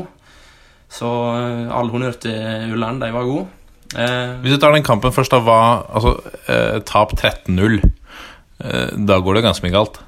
Ja, det gjør jo det. Altså, jeg snakka med Sander Nyland, som er treneren for andrelaget, rett før kampen, og han sa jo litt dette med at det er et ungt lag, da. De reiste nedover Hørte A-laget skulle møte Vålerenga 2 dagen etterpå, så de reiste nedover med bare ja, unggutter. Juniorspillere, stort sett. Et par som er, er ferdig på junior, men som spiller på Hødd 2. De, de var jo forberedt på at det kom til å bli tøft. Eh, men, men målet var på en måte å spikre igjen litt i starten og prøve å få med seg en positiv start, da, for da kunne liksom alt skje. Og så etter eh, tre minutter så står det 2-0, eh, og da er det klart, da er det blytungt å, å være smågutt mot, mot menn, da, som det endte opp med å bli. Så jeg vet ikke Det, det, som, det som gikk galt, det er vel Det var mye presisjon, syns jeg. Hvis en liksom skal, skal oppsummere det litt. Det var, det var stor presisjonsforskjell. Rett og slett Ulland var bra. Eh, fryktelig god høyreside. En, en høyre kant der som heter Emanuel. Veldig bra. En høyre back som jeg ikke fikk navnet på, men han var veldig god.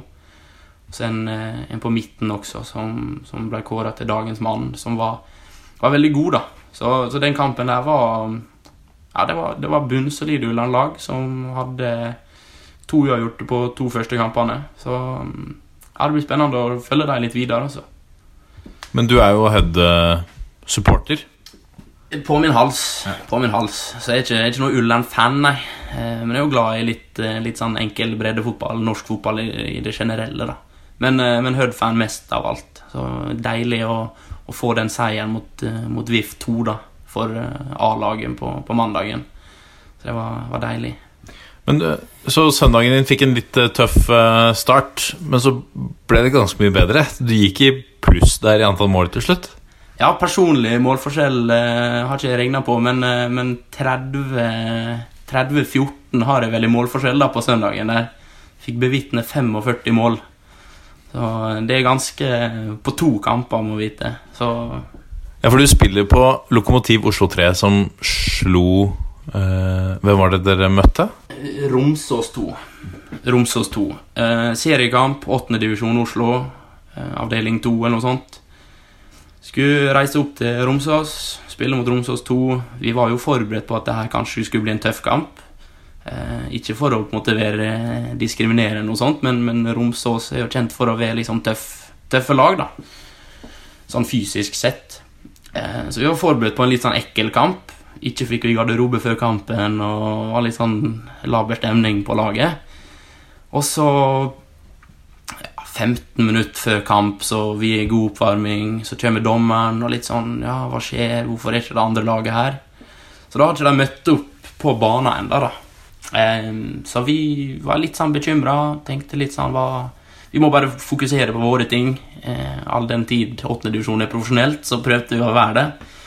Så ja, starta det med at dommeren da sier at eh, 2 sliter med å stille lag. De er åtte-ni mann, maks. Og spurte om vi var interessert i å låne dem en spiller eller to. Og så var vi litt sånn Ja, jeg vet ikke. Det er jo, det er jo serie, det her, sant? så man vil jo vinne. Så, så vi tenkte litt sånn vi, vi, vi går for det, vi. vi. Vi kommer til å spille liksom inntil, inntil dommeren på en måte blåser av kampen. Så kom de på banen, og viser seg da at de, de ble jo tolv mann til slutt. Eh, en som spilte i, i langbukse, eh, jeans. Eh, det er jo et, et eget kapittel. Men eh, ja nei, så det som, det som endte med, at de, de får med seg en fire-fem spillere fra førstelaget som nettopp hadde spilt fjerdedivisjonskamp for fem minutter siden mot Bærum 2. Eh, så for øvrig veldig gode fotballspillere, de som ble med der. Eh, men, men klart, etter 30 minutter etter 90 så begynner det å bli tungt, selv for en godt trent fotballspiller. Så vi leder vel en 3-4-0 etter halvtimen spilt. Og så begynner det å bli litt stakkato på, på motsatt banehalvdel, og vi leder 8-0 til pause. Da tenkte jeg at nå, nå ser vi på en måte litt konturene av hvor det her skal gå, da. Så vi var ute i pausa, litt sånn fortsett, og vi skal gønne på. Vi skal skaffe oss litt, litt grann målforskjell, tenkte vi. Jeg hadde liksom håp om tosifra og kanskje liksom 15, da. Men utover i andre omgang så, så innser vi at disse gutta som nettopp har spilt 90 minutter, de er jo helt kjørt. Til slutt så blir det så usaklig på, altså på stillinga 18-19-0, så, så, blir det helt usaklig, og mange av gutta begynner å gå av. og Plutselig så kommer det inn liksom folk på tribuner, da, tilskuere i, i, jeans og bare dro drakta over genseren. og eh, På et tidspunkt var det en som spilte i slippers der. Og det var jo helt Ja, det var kokos. Jeg endte opp en gang med å sparke av seg slippersen og, og traff meg i skuldra, faktisk. Det var helt, en veldig sånn surrealistisk kamp. Vi endte da opp med å, å skåre liksom 30 mål. da. Det er jo Jeg har aldri opplevd maken siden miniputte, da vi spilte mot liksom Kvamsøya. Så det er jo en helt, helt sjuk opplevelse, egentlig. Men de ble litt kreative. De, altså de tok jo da eh, i hvert fall 30 avspark i, i, i denne kampen. Og de, de, var litt kreative etter hvert i, i, taktikken i avsparkene. Ja, for alle som husker de gamle Rema 1000-reklamene, den her Hold linja, Thomas og de der, så tok denne her felles alle samling rundt ballen på midt, midtsirkelen. Og så ballen i midten, og så pløya de seg på en måte bare plass fremover. da. Så klart, når vi når vi brøyt opp den gang etter gang, så kontra vi bare inn nok et mål. Eh, men en gang skulle jo det faktisk lykkes da, for gutta fra Romsås. Så det var en som plutselig liksom fikk, fikk tuppa ballen ut derfra og stakk fra forsvaret vårt. Og på, ja, fra 20 meter sånn, så en liten sånn her god gammeldags Ronaldo-tåskudd eh, rett i krysstanga. Så eh, til full jubel, da, og hele Romsås uti kasta draktene og banestorming av de tre tilskuerne som ikke hadde gått på banen og spille. Og... Så det var ja, det var, det var veldig sånn gøy, og det var veldig god stemning på kampen. Så det skal de faktisk ha, skal ha honnør for. da. For det, ble ikke noe sånn kvalming og ekling og stygt spill. og Det var liksom det var god stemning på kampen. Men dette laget Lokomotiv Oslo 3, hva, hva slags lag er det? Det, jo, det, stammer jo fra på en måte Lokomotiv Oslo 1, som nå spiller, spiller i Norsk Tippingligaen, tredjedivisjon. Um, det var en gang, altså I 1999, som klubben er stifta, så var det, var det et sunnmørslag. Uh, ment for studenter, utflytta sunnmøringer, som, som, dro i gang. Og så hadde de, vel fem opprykk på rad. og sånt. Det er ganske sånn kjent for den biten der. En som heter Arthur Garnes, som er på den store, store pådriveren. da. Så han tok initiativ og spurte meg og et par kompiser for et par år siden om vi var interessert i å starte opp et Lokomotiv Oslo 3. da. Eh, og med en sånn sunnmørsk profil. Eh, tilbake igjen til røttene, da, kan jeg nesten si. Så vi har en del avdanka spillere, kompiser, som Vi er en som i klubben nå, og vi er på laget, som, som debuterte for Hørdal-laget i en alder av 18 år. Første divisjon. Eh, veldig god. Kunne antageligvis spilt tredje div lett i år Tidligere har vi hatt med en som heter Martin Hånes, som var på det famøse 2012 eh, Hødd A-laget. Eh, så vi hadde en, en cupmester. Det var vel i forfjor han var med. Eh, klart en stor, stor bidragsyter. Men kanskje den største stjerna vi har hatt på laget, og faktisk eh, verdensmester. Eh, sjakk, eh, sjakkverdensmesteren Magnus Carlsen. Han spilte jo spilte en sesong for oss eh, for to år siden, tror jeg det var. Hvordan verden havner eh, Altså, Magnus Carlsen er ikke fra Sunnmøre. Nei, eh, det er ikke han. Vi har en, vi har en på laget som, som, er kompis med, som er god kompis med hans beste kompis. Så han inviterte på en måte deg på trening. Da. Jeg husker jeg kom på trening en dag, og så var det litt sånn Sian Inga, da, som heter eh, kompisen på laget, som sier at ja, vi får to nye i dag. En som heter Johannes, en som heter Magnus. Så jeg sånn, ja, hyggelig, tenkte jeg. Da var jeg, var trener på tidspunktet, spillende trener. Så tenkte det var hyggelig å få inn litt mer folk og litt sånn stallfyll. Det er alltid godt å ha nedover i divisjonene. Og så kommer jo selveste da Magnus Carlsen på, på trening, og ungeroppen her ble noe starstruck, kan man si. så det var, det var veldig gøy. Så den vinteren der også så spilte vi litt cageball og tilfeldighetene ville at det var et, et par barnebursdagsselskap oppe i Nydalen, på cageballhallen der. Så jeg har vel aldri hatt så mye tilskuere på verken kamp eller trening eh, før eller etter det. Så stor stjerne. Veldig hyggelig type. Veldig sånn jordnær. Eh, god spiller. Eh, fryktelig bra kapasitet, faktisk. Venstrebekk av rang. Tror han hadde årets assist også den sesongen han, han spilte frekk liten piruett ned på sida, et innlegg til en volley. Så Nei, en, en eh, fin type. Møtte han her forleden og liksom spør åssen det går med oss, og bryr seg litt, virker det som, da. Så en eh, fin type. Eh, absolutt. Hvordan går det nå med altså med Lokomotiv Oslo 3? Er målet opprykket nå, eller fra 18. divisjon? Har dere sikra dere en solid målforskjell? Ja, vi hadde en litt, eh, litt eh, trå start. Hadde to, eh, først ett surt tap, 2-1-tap der vi, vi, styrer spillet. Så har vi et 5-0-tap etter det. Blei pissa på, på godt gammeldags norsk. Men så har vi heva oss etter det, og to seire nå på rad. Så vi står med, står med seks poeng da, på fire kamper.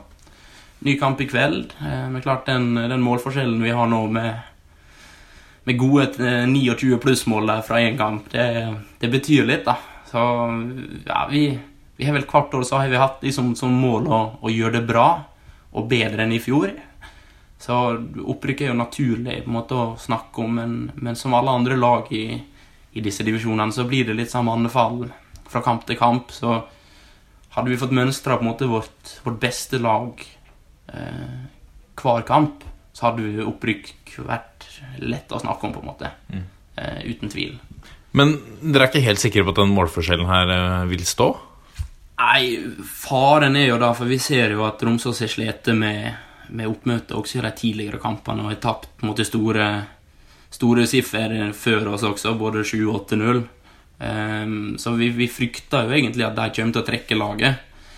Så det er mulig vi, vi spekulerte i om vi kanskje skulle melde et par stykker skulle melde overgang til Romsås 2 for å, for å holde på den eh, holde på den eh, ledelsen, skulle jeg si, den målforskjellen der, da, ved at de har et lag videre og ut sesongen også.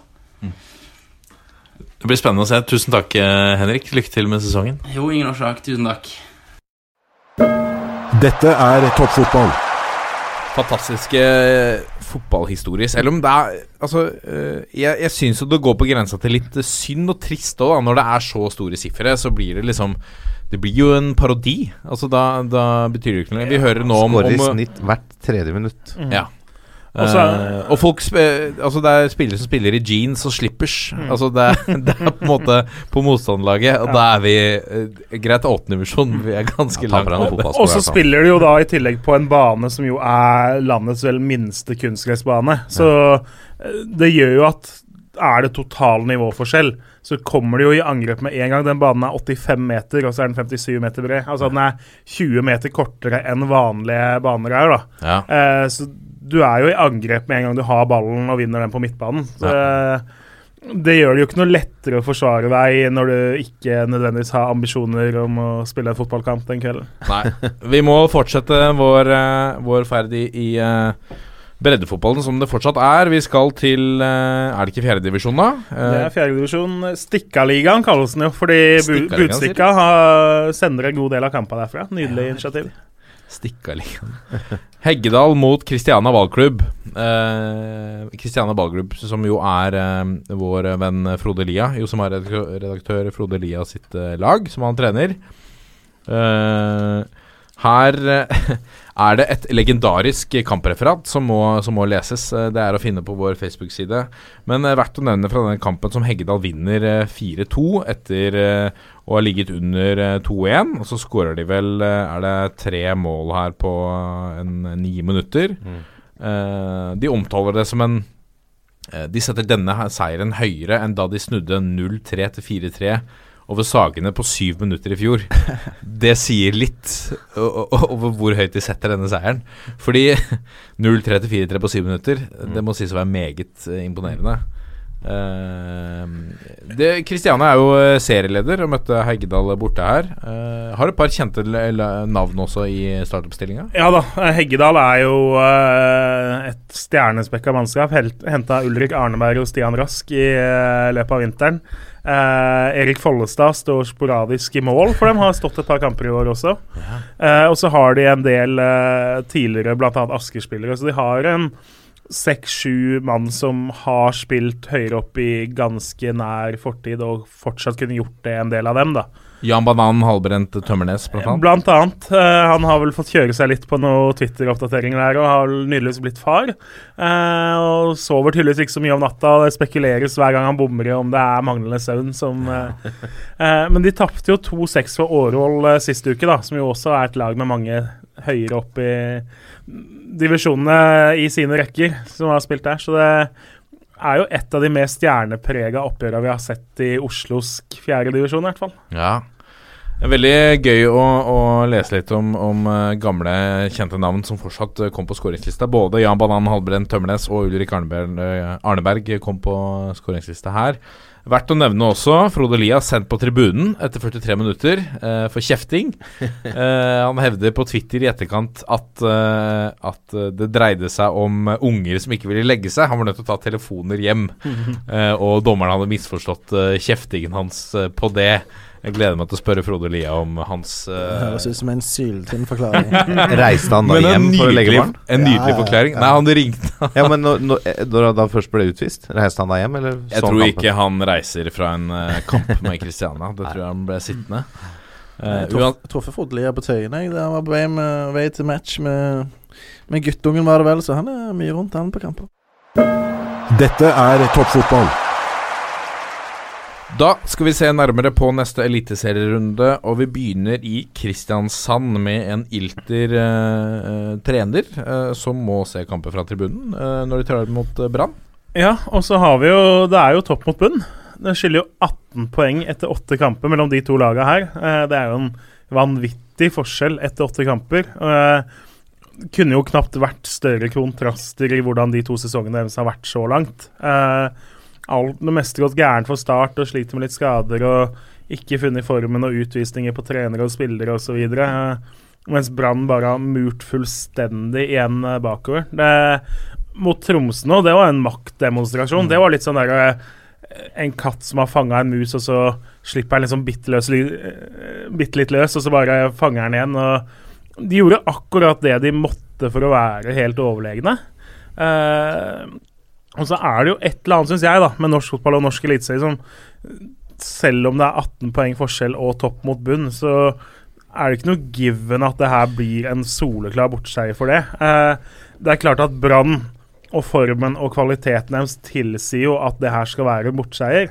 Eh, og så er det jo det som er så deilig med fotball som du ikke har eh, hadde det vært Larvik mot uh, Gjerpen eller hvem som ligger i bunnen i damehåndball, så hadde de jo visst at det her ble vunnet med 40-13 eller et eller annet. Uh, fotball er jo så deilig at uh, Brann er klar favoritt, men ballen er rund. Og så vet vi at uh, Tromsø er et veldig bra fotballag, Mm. uh, som Simo Valek har fått skikkelig sving på etter uh, åpningstapet mot Start.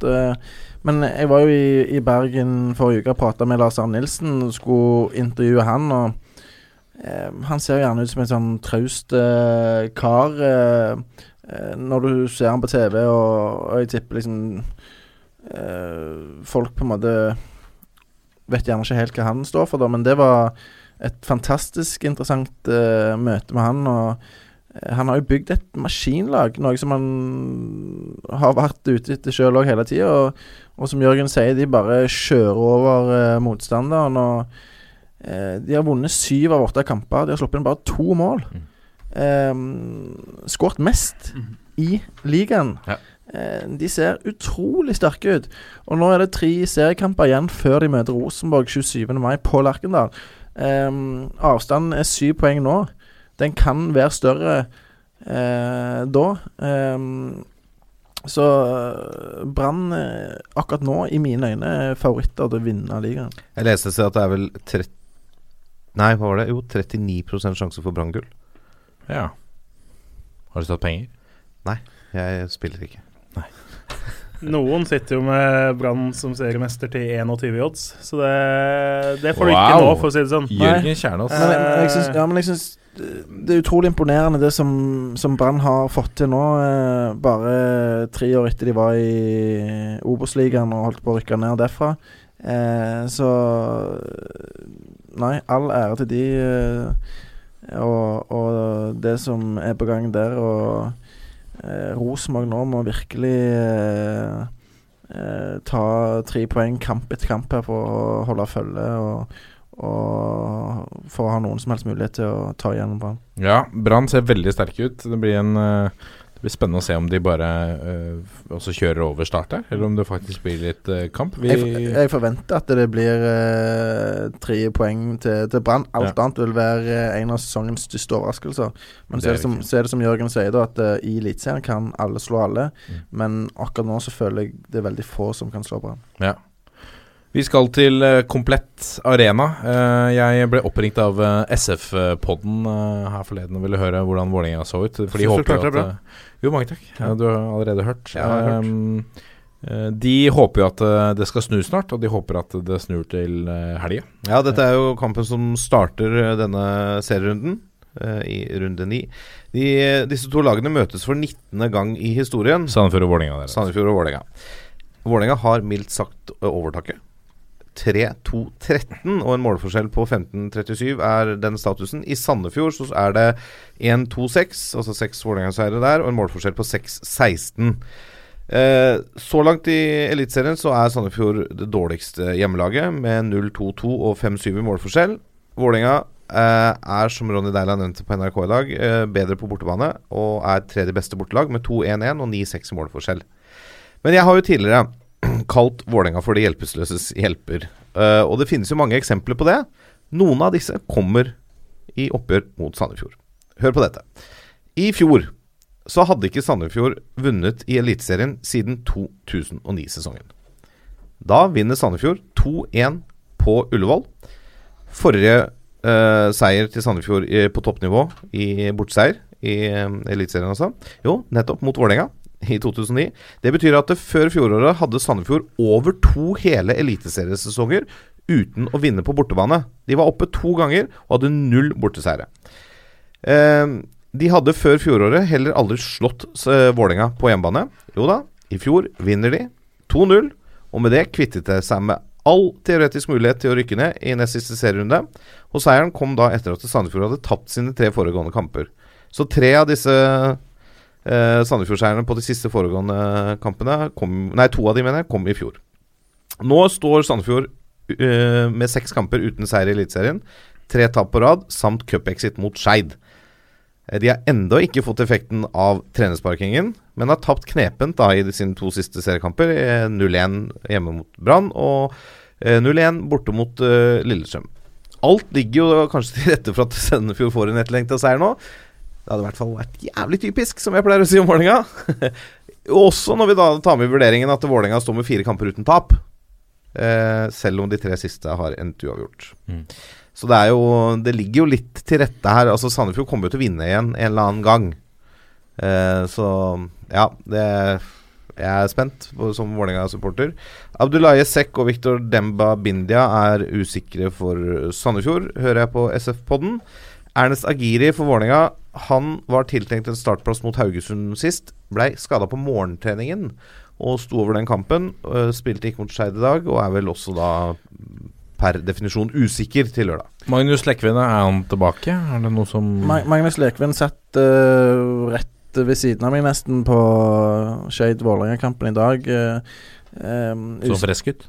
Ja, han, han gikk nå i hvert fall, men jeg er usikker på, på hans status. Men eh, det er ingen tvil om at Vålerenga trenger eh, å finne en eh, midtbanekonstellasjon som fungerer bedre enn det Felix Horn Myhre og Abdisalam Ibrahim gjorde mot Skeid. Eh, de ble eh, regelrett eh, overkjørt til tider, spesielt i første omgang.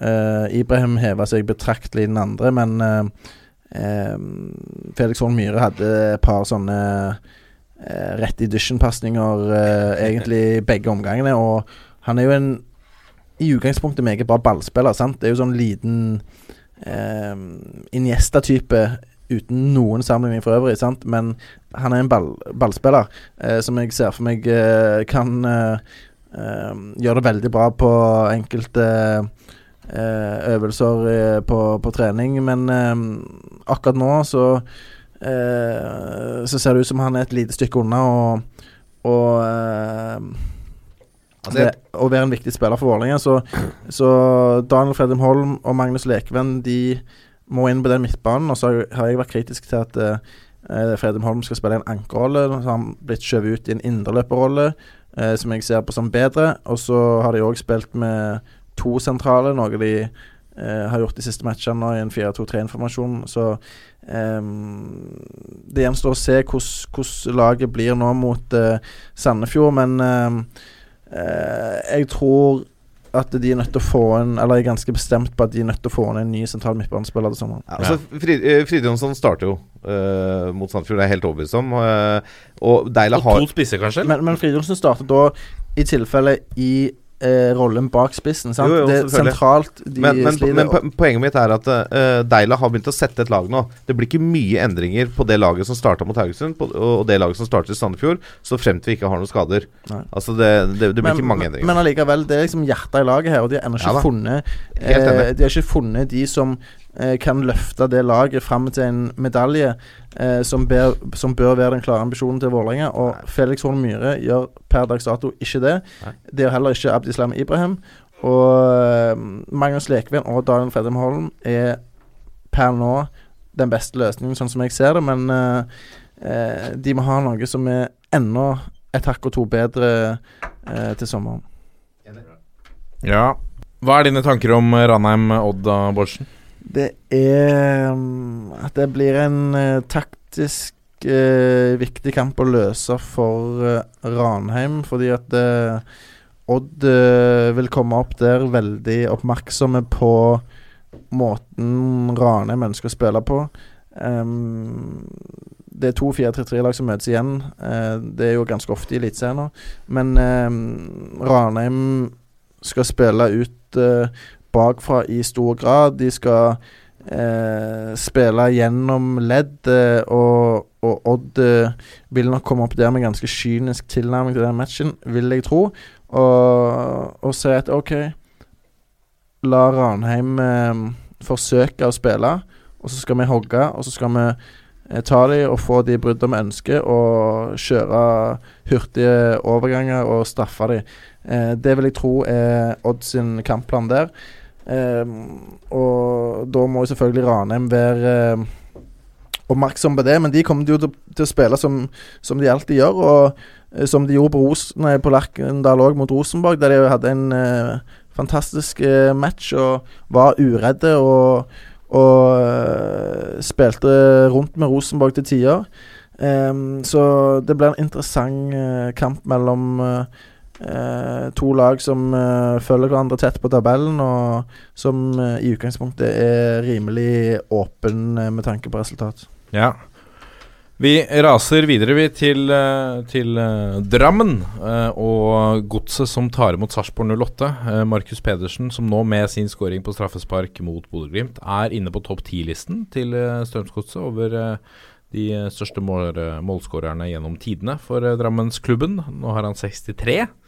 Eh, det er jo eh, imponerende, eh, og det kommer ikke til å stoppe der. Selv om vi Altså, det måtte et straffespark til, da. Jeg spådde vel egentlig at han kommer ikke til å skåre i, i Bodø. Han liker seg best med en altså litt mer hva skal vi si, en eh, litt større motstander og litt flomlys eller hjemmebane hjulpet fram av uh, Godset. Men han er straffeskytter, og da skårer han. Yes. Ja. så han har den. Eh, det er eh, eh, vel og bra. Så har vi, som vi snakket om, eh, Johan Tapar som skåra uten å juble. Tilbake nå på Marienlyst, eh, eh, og, og eh, jeg tipper vel at eh, Markus Pedersen kommer på skåringslista her igjen. Det er litt sånn klassisk. Mot et, uh, mot et uh, Sarpsborg Lotte som kanskje på mange måter heva seg litt mot, uh, mot Molde. Fikk en, en bekreftelse på at de fortsatt er et, et godt lag i Eliteserien også i år. Selv om resultatene så langt har vært varierende. Kun én seier på de seks siste. Ehm, statistikken mellom disse to lagene er eh, 1-2-3, enkel eh, og greit. De tre siste kampene har endt med seier til eh, Sarpsborg. I fjor endte tilsvarende oppgjør 1-1, med skåringer av Eirik, Lund, nei, Eirik Ulland Andersen og Matti Lund eh, Nilsen. For Sarpsborg Lotte så er Joakim Thomassen usikker med en lårskade, og Ole Jørgen Halvorsen er jo fortsatt ute. Eh, jeg tror dette blir en, en kamp som som eh, som blir tett og, og jevn. Uh, og så er det litt sånn matchvinnertyper her som jeg kan se for meg avgjør. Jeg tror Markus Pedersen kommer til å skåre igjen, løftet fram av hjemmefansen. Uh, spennende match. Eh, tror Sarpsborg Lotte er på vei til å finne litt ut av det nå. Eh, Det er en viktig match for begge for å hekte seg på toppstriden. Og uh, ta noen steg for godsets del, uh, bort fra bunn, bunnstriden. Ja, det skiller bare ett poeng mellom dem, men eh, jeg er jo enig. Jeg, mm. Ja. Um, vi går videre til uh, Hvor skal vi gå nå, da? Haugesund eh, som tar imot eh, Kristiansund, uh, Kjernås. Ja, det er det prestisjefylte Sund-oppgjøret, som Ja. vi jo gleder oss veldig til. Eh, det er jo ikke på en måte Ikke ironisk. Nei, ironisk er det Videre. men det, Videre. en litt dårlig spøk var det. Eh, det er jo ikke det mest liksom, sexy oppgjøret du får i Eliteserien, men i fjor så var det jo faktisk to fyrverkeri av noen fotballkamper da de møttes. Eh, Kristiansund vant begge kampene med 3-2. Eh, svingte litt og mye sjanser. og Siste, altså på bortebane i Haugesund, var siste serierunde, og det var ikke all verden å spille for da. Så blei vel litt ekstra Hawaii ut av det. Men eh, to lag som da i hvert fall i fjor uh, sto uh, dårlig mot hverandre, eller godt mot hverandre for oss som ikke holder med dem, da. Eh, Haugesund har jo sett veldig bra ut i forhold til hva i hvert fall jeg hadde venta av dem. Det er ikke noe mer enn et melk og brød-lag. Men gjør på en måte mye ut av det potensialet Haugesund har. Og får, får igjen mye ut av det. Eh, Kristiansund, livsviktig seier sist. Eh, ligger, sted, ligger da med ti poeng på åtte kamper. Eh, havner de der og får en så kjedelig sesong som det er mulig, så bør jo egentlig de være fornøyd med det. Eh, angrepsrekka da igjen, som eh, ikke har fungert liksom like bra. Har vært mye frafall, og Gjertsen har stått over en del. og De har mangla Stokke, og Bamba har ikke kommet hele gang. Så de har på en måte ikke fått alle de tre i form så mange minutter samtidig i år, da. Eh, kan løfte seg litt når de først får det. Men eh, du sier Haugesund et eh, melk og brød-lag, men det kan jeg jo på en måte være enig i. Men jeg syns det er noe mer ved de òg. De er for det første bunnsolide. og de har David Akentola, som har potensial til å bli en attraksjon i Eliteserien. Meget spennende type, som ikke hadde en spesielt god kamp mot Vålerenga sist, men som allikevel var meget farlig hver gang han var i nærheten av uh, motstanderens mål. Burde jo egentlig hatt en skåring òg, men uh, Adam Larsen si hadde en helt vill redning der før samme mann ga vekk en skåring til Haugesund rett etterpå. Men uh, jeg syns Haugesund ser nærmest overraskende bra ut. eh, og de er ekle å spille mot, og så syns jeg eh, gjerne at de bare må være litt flinkere til å bruke styrken til Fredrik Gytkjær, og det er i bakrom. Mot Vålerenga så ble det eh, litt for lite eh, trusler eh, eh, bak eh, Vålerenga-forsvaret. Ja. Vi går videre til uh, Molde Wangstein, som tar imot uh, Bodø-Glimt. Ja, eh, dette er jo to lag som vi på en måte kanskje kan si ikke er helt i draget. Eh, sånn resultatmessig. Bodø-Glimt eh, jakter jo fortsatt årets andre seier etter å ha vunnet serieåpningen. Syv kamper på rad uten eh, trepoenger. Eh, det er tre uøvert på rad nå i det siste, så det har jo sett litt bedre ut. Eh, det er klart. Vi er jo avhengig av Christian Førdal Opseth. Han har skåra tre av Bodø-Glimts seks mål. Eh, så det er vel et selvmål inne i bildet der også. Ja. Eh, Molde starta jo sesongen helt fantastisk, eh, resultatmessig og egentlig spillemessig, men har fått det tyngre i det siste. Tre kamper uten seier, to uøvert og ett tap. Det er 44. gang disse lagene møtes i historien. Eh, 21-5-17 i eh, favør Molde, står det. 81-73 er målforskjellen. I Molde så er det 12-1-8 og målforskjell 47-34. Molde vant eh, begge oppgjørene sist Glimt var oppe, i 2016. 3-2 på Aker og 2-1 i Bodø. Um, og så tapte jo Molde forrige hjemmekamp, men de er seriens fjerde beste hjemmelag. Eh, Bodø-Glimt har naturlig nok ikke vunnet på bortebane i år. Eh, og har målforskjell på frekke 1-4 på fire kamper på bortebane. Eh, Molde mangler jo naturlig nok tidligere Glimt-spiller Mathias Nordmann i denne kampen etter det røde kortet mot uh, Sarpsborg på mandag. Og Vega Forhen har allerede fått med seg tre gule kort i år og må sone neste kamp. Nei, er det fem Nei, kamper de fi- Fire, nå. Ja, han har, tre, han har tre gule så langt, så han er i faresonen. Sånn, han må ja, sone beklager, neste kamp. beklager. Bra henta inn. Ja, nei, jeg sa jo det var det jeg sa, og så ble jeg avbrutt. Ja. ja, eh, men um, sånn jeg ser den kampen her på Aker stadion, til tross for den lille formduppen til Molde, så må de være bære favorittstempelet ganske klart. Uh, og de skal slå Glimt ganske greit hjemme, men det er jo litt som vi snakka om i stad med Startbrann. Alt kan skje i Eliteserien, og det er jo kjempegøy. Veldig viktig kamp for begge lag. Molde trenger en seier for å få litt heng på lagene foran. Altså kanskje spesielt å ikke miste eh, helt eh, muligheten til å ta igjen Brann. For det er nok ambisjonen i Molde, uansett åssen du snur og vender på det. Eh, og Glimt trenger i alle fall poeng for å holde seg unna de lagene helt nederst. Men du, bare for å si det, jeg fikk faktisk en snap her nå av det målet til bror Bojang fra Mjøndalen. Det er jo Maradona. Det er jo Ja, det er helt vilt. Det er helt sjukt. Ja. Det er stas. Gå inn og, gå inn og titt. Gå inn og titt. Ja. Kanskje Molde kjøper den til sommeren? Oh. Ikke mulig. Ikke mulig. Stabæk tar imot Rosenborg på Nadderud. Joakim Bårdsen. Eh, skal du på kampen? Ehm, det skal jeg ikke, fordi at denne helga her så skal jeg på en jobbreise som gjør at jeg eh, dessverre får sett lite eliteserie. men, VG eh, pluss reise, dere. nei, faktisk ikke VG pluss denne gangen. Men um, VG Sport, Ja. som for øvrig VG pluss òg er en del av. Men uh, nok om det. um, Stabæk-Rosenborg blir en eh, Kul match. Um, tipper på en del skåringer, faktisk. Uh, nå har ikke Rosenborg uh, sluppet inn så veldig mye mål uh, de siste kampene i utgangspunktet, men um, Stabæk de har eh, slitt eh, stort defensivt. Det er det som har vært hovedproblemet deres eh, så langt denne sesongen.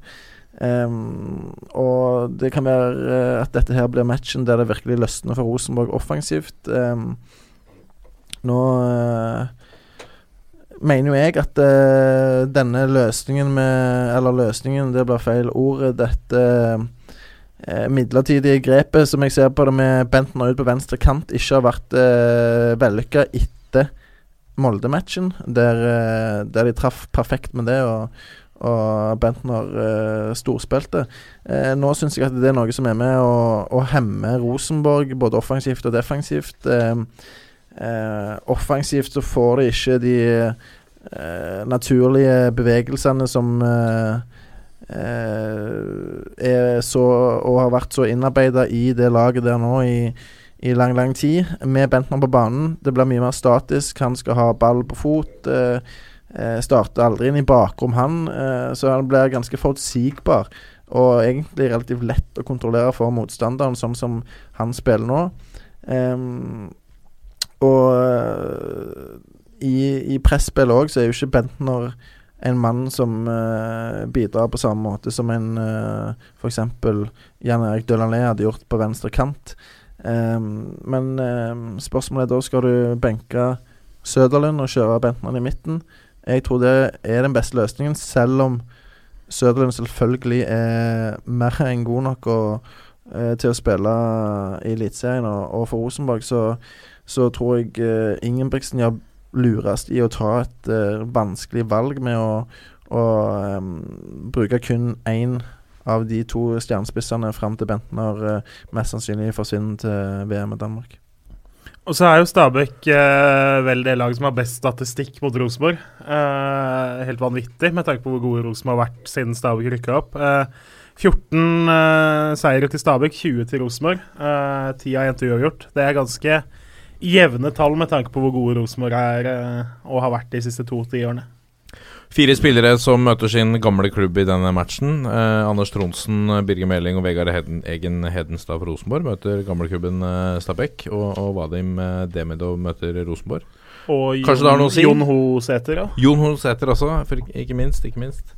Eh, spennende match, det også, på, på den vakre gressmatta på Nodderud. Um, vi går til Fort Alfheim og Tromsø, som er ligaens nest beste hjemmelag. Ubeseiret på Alfheim så langt. Ti eh, poeng på, eh, på fire kamper hjemme. Nå tar de imot eh, Eliteseriens svakeste bortelag, og det i utgangspunktet høres ut som feige lag.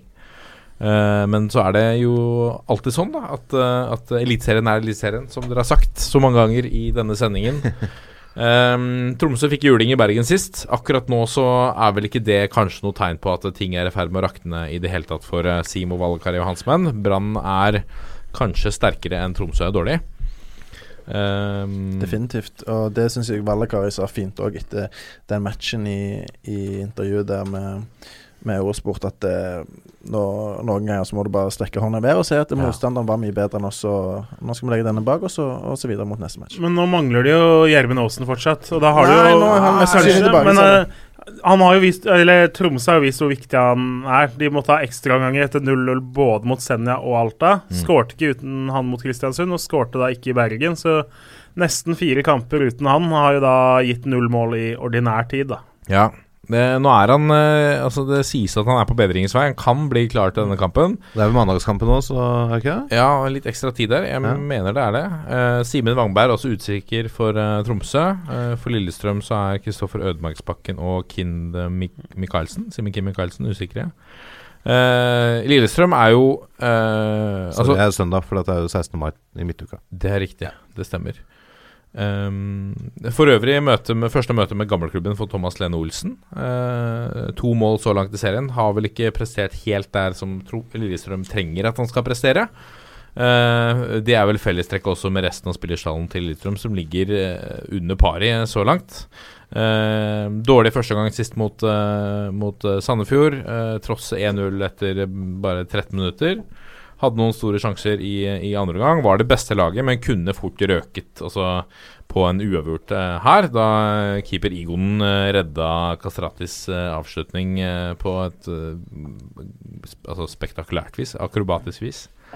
Um, tar en seier som de må ta uh, mot Sandefjord. Ellers så hadde, sånn jeg ser det, krisen vært komplett. Litt sekspoengskamp mot Sandefjord.